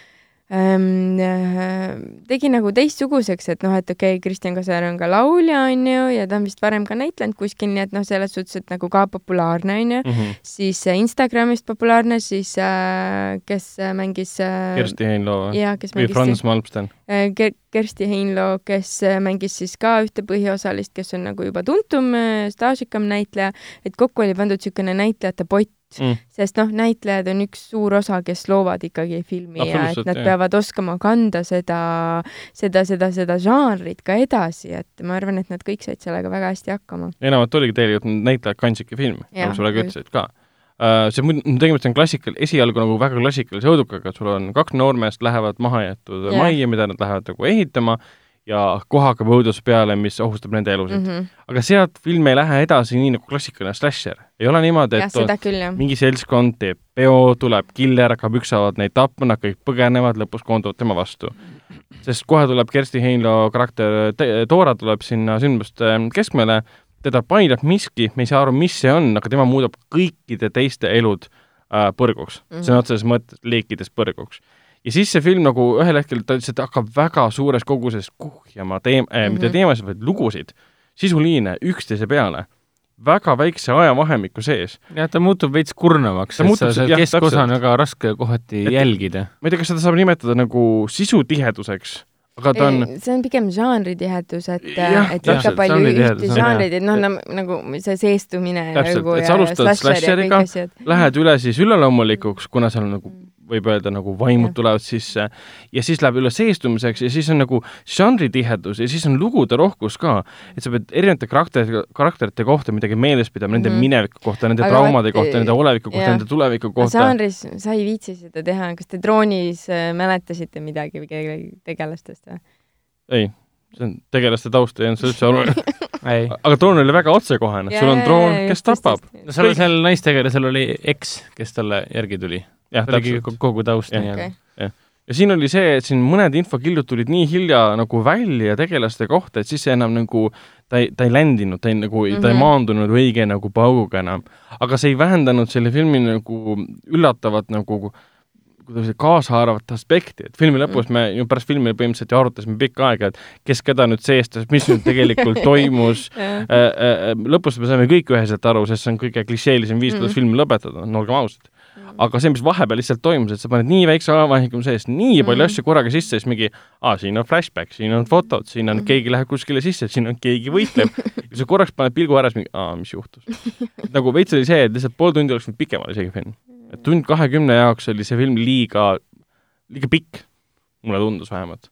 aga jällegi ma tahan seda rõhutada, et mina eeldasin, et see film tuleb rämps mm., crap, mis iganes äh,. Lähed kinno, vaatad, see pole halvem oluliselt mm -mm kuule, aga ma halbadest õudusfilmidest. mõni Eesti film on ikka väga-väga kõvasti rohkem piinavam vaadata ja, kui, kui, kui see film. absoluutselt, ei pea väga palju pingutama, et leida selline film nii üles. selles suhtes see on ikkagi puhas rõõm võrreldes nende, nende koera on, lohistamistega, nii et see on Urmas Eero Liivi poolt ikka väga en entusiastlik ettevõtmine, et ta küll, võttis sellise, ma saan näha ka, et nagu rõõmsameelselt tehtud, ajame grupi küll, kokku, näeme vaeva, paneme oma raha sinna, nagu, nagu ta esiliiastul ütles ka, et ärge muretsege, isegi keegi pole teie rahakotis mitte sentigi võtnud. ei, ta ütles, ta ütles, et teie isside emme raha, rahakotist pole keegi midagi võtnud. täiskasvanud publikule ootab midagi. et keegi pole teilt midagi võtnud, võite rahulikult vaatama minna, te ei pea pärast isegi kuri olema. et äh, ei pea, riigilt ei pea raha tagasi nõudma. aus jutt tegelikult. sest äh, minul on see tunne olnud mitu korda, kui ma olen filmi käinud vaatamas. sihuke film ja siis nagu aga samas, kuidas me tihtipeale hindame sellelaadse tõusufilmi, on see, et kas killid, killid olid head ehk siis inimeste tapmised enamjaolt olid nagu okeid mm, -hmm. kuigi mhm. oleks võinud olla vabalt tihtipeale brutaalsem, hoida ja. ühe kaadriga neid kille. rohkem oleks võinud olla. ja rohkem täpselt, oleks jah. võinud küll olla, jah. et kui sa juba teed filmi, kus äh, on tapmistseene selle koha pealt, kui keegi põgeneb, keegi talle mm -hmm. midagi viskab, tee neid rohkem, tee neid veel. keskmine õudusfilmi äh, fänn äh,, austaja äh, on ikka harjunud istuma kinosaalis ja, ja loendama ikkagi. esimene mm -hmm. kill, teine kill, kolmas, neljas, viies, kuues, seitse, kaheksa, kümme, üksteist, kakskümmend, kolmteist, just paned sinna Mississippit ka veel vahele, et noh. ja kasuks tuleb, kui need ka naljakad on. jaa, täpselt, filmi suurim võib-olla tõesti, minu silmis nagu isegi jah, võib-olla ainuke suurim miinus ongi see, et kus oli huumor, kus oli nagu, kus oli nagu nalja, ma räägin nagu naljadest, ma räägin humoorikatest karakteri nagu quirkidest. et see, et see on idiootne, vaata, see on nii loll jah. lihtsalt, et sa naerad. see Tommi karakter kohati oli idiootne, aga see, ta kadus nii kiiresti ära, et see nagu ja. siis muutus film kohe tõsiseks, siis see püsiv tõsidus jäi nagu Malmsten oli nagu tore, aga samas mm. mis puudutab karaktereid ja kuidas need on kirjutatud, siis minu meelest Tom oli nagu fantastiline näide Jaa. sellest, et milline on näiteks noh, kuna enamik õudukad tulevad Hollywoodis niikuinii, milline on üks Hollywoodi tänapäeva või siis mingi üheksakümnendate, kaheksakümnendate eh, üdini selline ma-, mats-, matsismo põhimõtteliselt eh, üks tegelastest, kes niikuinii saab kohe surma ja, nii-öelda. ja, ja sobib sinna nii hästi, siis Mm. see ka, et see pühastaja on toetaja ka, et tavaliselt on ikka see, mingi lahja õlu on midagi taolist mm., ei, Tom Kristo Kasaru haarab lihtsalt maika seljas, oli vist maika või mis tal seljas oli, särk oli Wife seljas, beater, ja, ja Ah, wife wife Wife beater on valge seljas, maika on ju wife beater. siis ta haarab autost mille? Ta haarab autost neetud pühaste õlle, kümme volli, kas see on nii, ta küll vik-, nagu vikad. ta haarab autost käsitööõlle, mis on ülikange tavaliselt on õudukates ikka, Ameerika õudukates on ikkagi mingisugused neljavollised, mingi plekkpurgid, mis mida pead mingi viis tuhat tükki ära jooma Mhm. enne kui purju jääd. ei, Eesti filmis, Eesti noh. õudusfilmis sa võtad kurat käsitöö õlle ära ja siis paned kümme volli kohe alla, noh. et see oli fantastiline, minu meelest see, tegelane sobis siia nii hästi ma tahan näha, ma tahan näha järjelugu, kus Jaa, on ainult Tommi Tom. tegelane, kes ootamatult üles ärkab ja et tuleb aga mul ei tagasi. olnud midagi häda, joo. Evil Dead kaks, palun, ma tahan, et see on, see on Urmas Eero Liivi Evil Dead. nüüd ma tahan, et Eero Liiv teeks, teeks see Dead ainult hullumeelsemaks sest põhimõtteliselt. nagu Sam jah. Raimi'gi, Sam Raimi tegi alguses põlve otsas ju Evil Deadi ja siis ta Mhm. tegi nii-öelda remake'i Evil Dead ühest ehk siis Mm, Evil Dead kaks mm. nii-öelda. kuidas veel paremini teha sama asja nii-öelda. jaa, et muidugi asju saab, kõiki asju saab alati paremaks teha ja paremaks muuta ja see on täiesti selge, aga see, mis nagu välja tuli ja tõesti räägime, et see on Eesti esimene slasher õudukas, osaliselt slasher õudukas mm. Eesti esimene slasher on ta kindlasti. -hmm. ja ja siis on selle filmi puhul väga palju nagu andestatav, kuna ta on Mm. tõesti esimene. edasi saab minna, noh, ma eeldan, et saab paremaks ma usun küll, jah. kuigi sest- jah, tegelikult ajalugu on näidanud, saab veel halvemaks ka minna. sest äh, no äge on jälle see, minu arust ma olen seda varemgi rääkinud, kui saab midagi eesti keeles vaadata, et äh, ma olen väga harjunudki inglise keeles äh, kõike vaatama, kuulama, lugema ilma subtiitriteta ka, onju. Ja siis, kui nagu tuleb võimalus midagi eesti keeles ikkagi näha, siis on päris okei ka ju. absoluutselt, jah. selles mõttes See on väga äh, järgmises saates räägime pikemalt juba kui filmist. keegi tahab äkki küsimusi saata, siis võiks saata jututuba, et kinoveeb.ee. täpselt jututuba, et äh, kinoveeb.ee võib saata meile siis äh, küsimused, mida me esitame siis Urmas Eero Liivile. mida teie tahaksite reisijari käest küsida Jah. selle filmi kohta või üldse, kuidas tal läheb näiteks jah, um,. Filmil äh, praegu on läinud äh, suhteliselt hästi kinodes mm., Mm. esimesel nädalavahetusel äh, siis ta kogus peaaegu neli tuhat vaatajat, mis ei ole halvem võrreldes siin nüüd mõne muu filmiga, näiteks nagu Ükssarvik või, või Kohtunik, oluliselt halvem. muidugi ta ei küündi nüüd siin Vanamehe filmi tulemusteni, kui ma ei eksi, mis oli kahekümnendates tuhandetes juba, mis ava-, esimesel nädalavahetusel oli. Kakskümmend kolm. aga mis sa vist ikka tead? hakka. hakkab Urmas Eero tuleb, nüüd tuleb kahekümne, no mis siin läheb, lähme vaata kiirtepõrgesse. jep, on, on nüüd parem olla või? on küll. jah, on küll jah. mõtlesin, et me oleme sellest üle juba. Ei, nope. okei, vanameest ei saa, ei tee, ei tee viski üle. ah, peakski uuesti kinno minema seda vaatama, nii. aga hea film oli raisk. kus Missi on, Missi läks laua alla. Aga räägi, kas Vissi, Vissi vaatas vahepeal, vahepeal Rocki Horror Picture Show'd ka, meie vaatasime, mis oli siis Foorum Cinemas kinoklassika raames, kolmapäeval linastus. meie käisime selle fänniseansil, kus olid kohal siis oli Horror Picture äge. Show fännid, see tähendas seda, et esimeses reas olid kostümeeritud äh, fännid kohal, kes tantsisid äh,, lõbutsesid, käisid ekraani ees, viskasid rahvale karjusid, kommenteerisid. karjusid, täpselt kommenteerisid, laulsid kaasa mm. -hmm. viskasid rahvale, mis seal oli, riisi viskasid, kui oli pulmatseen näiteks, vett loobiti, kui vihma sadas, lit-, mis asi? Glitreid, tegelikult glitreid. litrid. litrid. mina pole kunagi sellisel Mina ka filmiseansil käinud, kus on nii mitte. hardcore fännid Mm. mm. kohal mulle nii meeldis, et kogu publik elas sellega ma ei räigelt teadnud, et kaasa. isegi nii käib. Ja see ongi see, seda vabandust, seda kino nimetatakse nii-öelda, seda nimetatakse partipist-, partipisse-, participant. partipipi-, osa, osavõtuseanss nii-öelda, osavõtukino nii-öelda, Parti- participation äh, cinema nii-öelda, kus sa lähedki kaasa just selleks, et et elada kaasa Mm. mm. koos publikuga, sa räägid filmi ajal mitte sellepärast, et häirida inimesi mm. -hmm. vaid sa oled purjus, et see, et sa pead dialoogi, sõna otseses mõttes siin selle seansi, fänniseansi ajal oligi, meil oli mm Mhm. -hmm. üks suur fänn, kes kogu aeg pidas rämedat dialoogi mm Mhm. -hmm. filmi endaga ja see tegi kogu asja niivõrd naljakamaks. see oli äge, see oli tõesti nii vinge, et äh, see oli nii äge kogemus, et kinos on nagu nii chill, vaata ja ja seda ma võin ka öelda, et see oli nagu kolmas seanss, kus me lõpuks jõudsime ja, ja, ja see fänn koos oma sõpradega oli minu meelest juba siis neljandat korda jõudnud seda vaatama, sest esilinastus oli kahe kahes erinevas saalis Jah, ja ta käis ühel päeval korraga vaatamas ka. Väga ta andis meile eraldi teada lausa, et ma nüüd lähen ja kiitis meid, et me ikka selle filmi välja valisime, et me oleme väga rahul, et selle filmi valisime. mina nägin seda filmi ka nii ammu ja nüüd seda ka. nii värskendav oli vaadata seda, eriti need algustiitrid. issand, kui ägedad ja algustiitrid. see oli päris friiki. et algustiitrite kunst on kadunud maailmast. Sest keegi ei taha neid vaadata enam. kui nojah, sul ükskõik kas sarjas või kus iganes on äh, kauem kui pool, pool minutit, siis äh, kõik ignovad nagu seda uued filmid, mis sa kinos vaatad, siis mingi alguses lihtsalt on mingi, aa, mingi Disney see loss on seal, siis on mingid firmamärgid. nüüd hakkab film peale, ei, see on hoopis logo. nüüd hakkab film, ei, see on jälle logo. millal me viimati kinos nägime algustiitreid? nagu pikad algustiitrid, nagu visuaalselt ei algustiitrid. mäleta, oli küll millalgi. Maleficientil ei olnud midagi, jah? Ei olnud ei, midagi. seal hakkas põhimõtteliselt film peale kohe. ja kohe hakkas peale jah, Voice-over'iga vist oli. aga hästi pikad need äh, loodus, nii-öelda looduskaadrid Jah. olid. CGI oli hästi kena. kirdepõrgusse? seal, no see film, film juba käis, kui need tiitrid jooksid. ma Jaa, arvan jah. küll jah. Ühesõnaga Rocki Horrorit saab ühe korra veel vaadata Jaa. järgmine nädal, et ja äh, mm, täpselt ja novembris saab vaadata nüüd juba esimest Tuduh, äh, tuh, tuduh. Terminaatorit. tuduh, tuduh oi. tuduh, tuh, tuduh. täpselt. sa tead rohkem kui mina. sest äh, äh, Terminaatori saaga siis kuues film jõuab kinodesse, mis ta oli, seitseteist november, enne seda saab see esimese osa kinos ära vaadata. kuuendat osa ta on kogunud Rotten Tomatoesis praegu vist oli kuuskümmend kaheksa protsenti ja esimesed arvustajad olid väga helded filmi vastu, nimetasid Mm. seda parimaks filmiks pärast siis teist osa, nimetasid seda vajalikuks See seeria värskendajaks, nimetasid seda selle seeria Force Awakeninguks nagu et ta äratab selle seeria surmast üles, sest see on tõesti parem kui see kolmas ja neljas ja see muidugi see viies, mis oli totaalne rämps. Come on, kolmandal nii- osal pole midagi viga. muidugi ei ole. Salvation on väga lahe ei, film. kolmanda ainuke probleem seisnes selles, et see oli lihtsalt action film. ja Salvationi suurem probleem selles, et on suurepärane ulme oli action teise osa remake, noh. ja neljas ei ole lihtsalt hea Terminaatori film.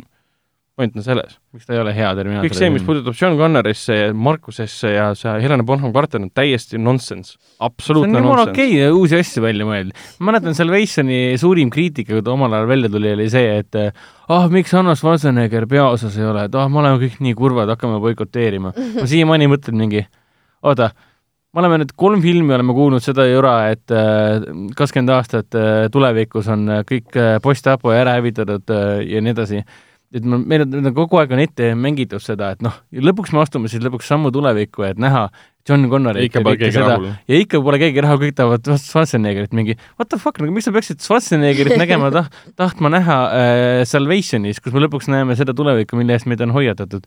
John Jah. Connor on tähtis. see, seesama tulevik, kus talle saadetakse minevikku Jah. farss. ütleme, et Schwarzenegger ei puutu üldse asjasse, tema koht on minevik. no viiendast ta tuli ja viies oli rämps. Aga igatahes äh, point on selles, et point on selles, et uut, uut osa kiidetakse, mis tähendab seda, et on südamerahus äh, võimalik minna vaatama Foorum Cinemas kinoklassika raames esimest filmi ja siis minna rutata seitsmenda, kuuenda osa vaatama.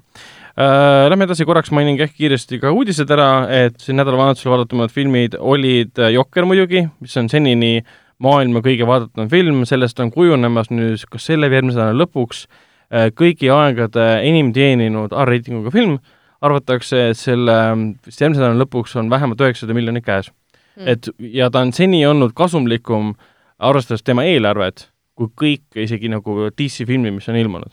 kõik edukamad DC filmid Mm. mm.. aga samas see ei ole nagu väga suur ähm, verstapost, sest selle eelarve oli võrreldes teiste DC suurte, suurte komiksifilmidega palju väiksem.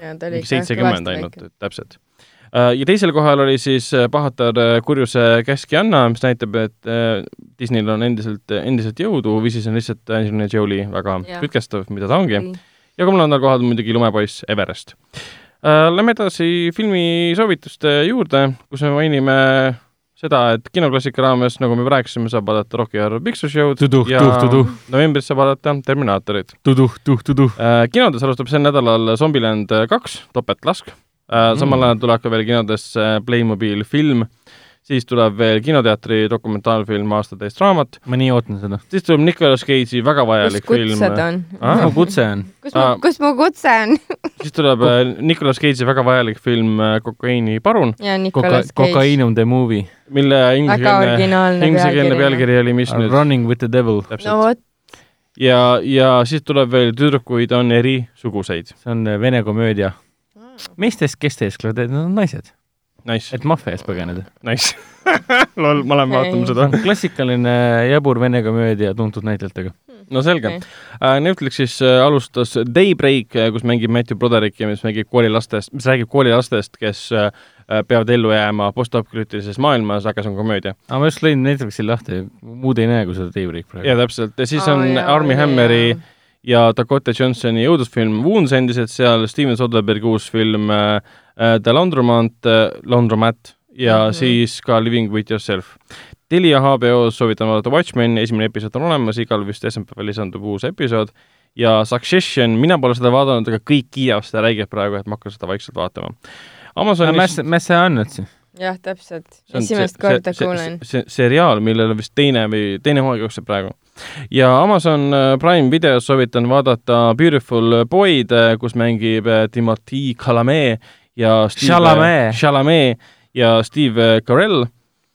see on film, mis tegelikult e- vist üle-eelmisel aastal või eelmisel aastal tuli välja ja arvati, et sellest saab suur Oscari film, aga ei saanud. Mhm. Äh, Timothy Chalamet mängib seal siis sellist äh, poissi, kes üritab äh, sõltuvusest lahti saada, saada, aga see tal ei õnnestu, aga tema isa ehk siis Steve Carell äh, äh, aitab teda sellel raskel see on mingi Brian Coxi draama ju.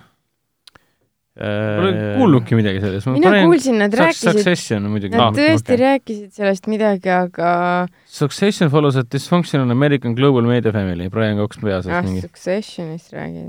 issand jumal, ma tahan näha seda nüüd. jaa, see olevat äh, harukordne seriaal. Kieran Culkin mängib mida siin. tähendab Jah. American Global, okei okay,, Global Media, ma mõtlesin Global Family. ja see on seriaal ühest, ühest perekonnast, keda juhib selline äh, äh, võimukas isa kas see põhimõtteliselt on. äh, perekond spellingutest äh, inspireeritud või? ma ei tea, mis see ei on. teagi, mis see on ja, ja Once upon a time oli kunagi Hollywoodis selline mees nagu, issand, ma ei mäleta, mis ta eesnimi oli, Spelling, kes lõi oma meediaimpeeriumi, kelle tütar siis Tori Spellingut te kindlasti teate, kes mängis Beverly Hills Mm. üheksa null kaks üks null ja siis ta oli kõige, kõige jõhkram meediamogul üldse, aga siis ta sai vanaks ja siis ma ei tea, ta lapsed vist ei saanud hakkama selle meediaga ja siis ta, ma ei tea, müüs maha või andis edasi kuskil kõik selle Spelling asja Mm. aga mingi kaheksakümnendatel, üheksakümnendatel kogu, kogu mingi sisu, TV mingi kräppi ja seepi toodeti Spellingu poolt.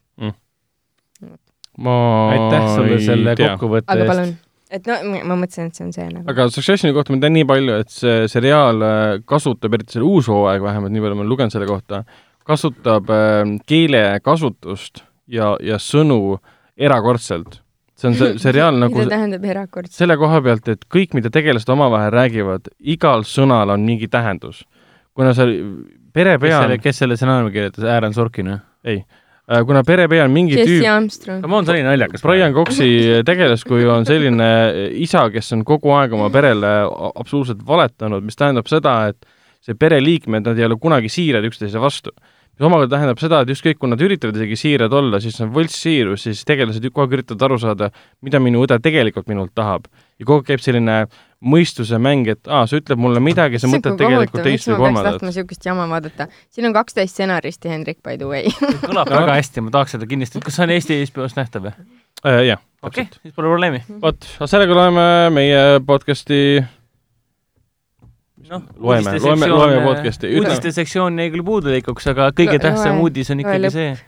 jah, tõmbame, tõmbame oota, aga veel alla. üks uudis on ikkagi. noh, ainult üks uudis, mis väärib ütlemist. noh, põhimõtteliselt tänase seisuga on nüüd siis eh, kaheksateistkümnendal detsembril kella seitsmest algavad siis eh, Skywalkerite saaga viimase peatüki Skywalkeride õhus esilinastuses ja kõik piletid on praegu müügil juba. nii ja esimesed alates kaheksateistkümnendast kui ka äh, valitusseansid nädalavahetusel, et leidke oma parimad kohad, sest neid võetakse kõik ära juba. esimene seanss on peaaegu välja müüdud juba. jah, Star Wars, uus teile tuli välja, nägi eh. jälle Darth Sidious on tagasi, jälle kõik needsamad tegelased äh.. ma ei oska sellest midagi arvata enne seda, kui ma lõpuks näen seda vot, aga ja tõmbame joone alla, aitäh äh, kuulamast ja näeme järgmisel nädalal, kui me räägime juba Urmas Eero Liiviga. tšau. Tšau.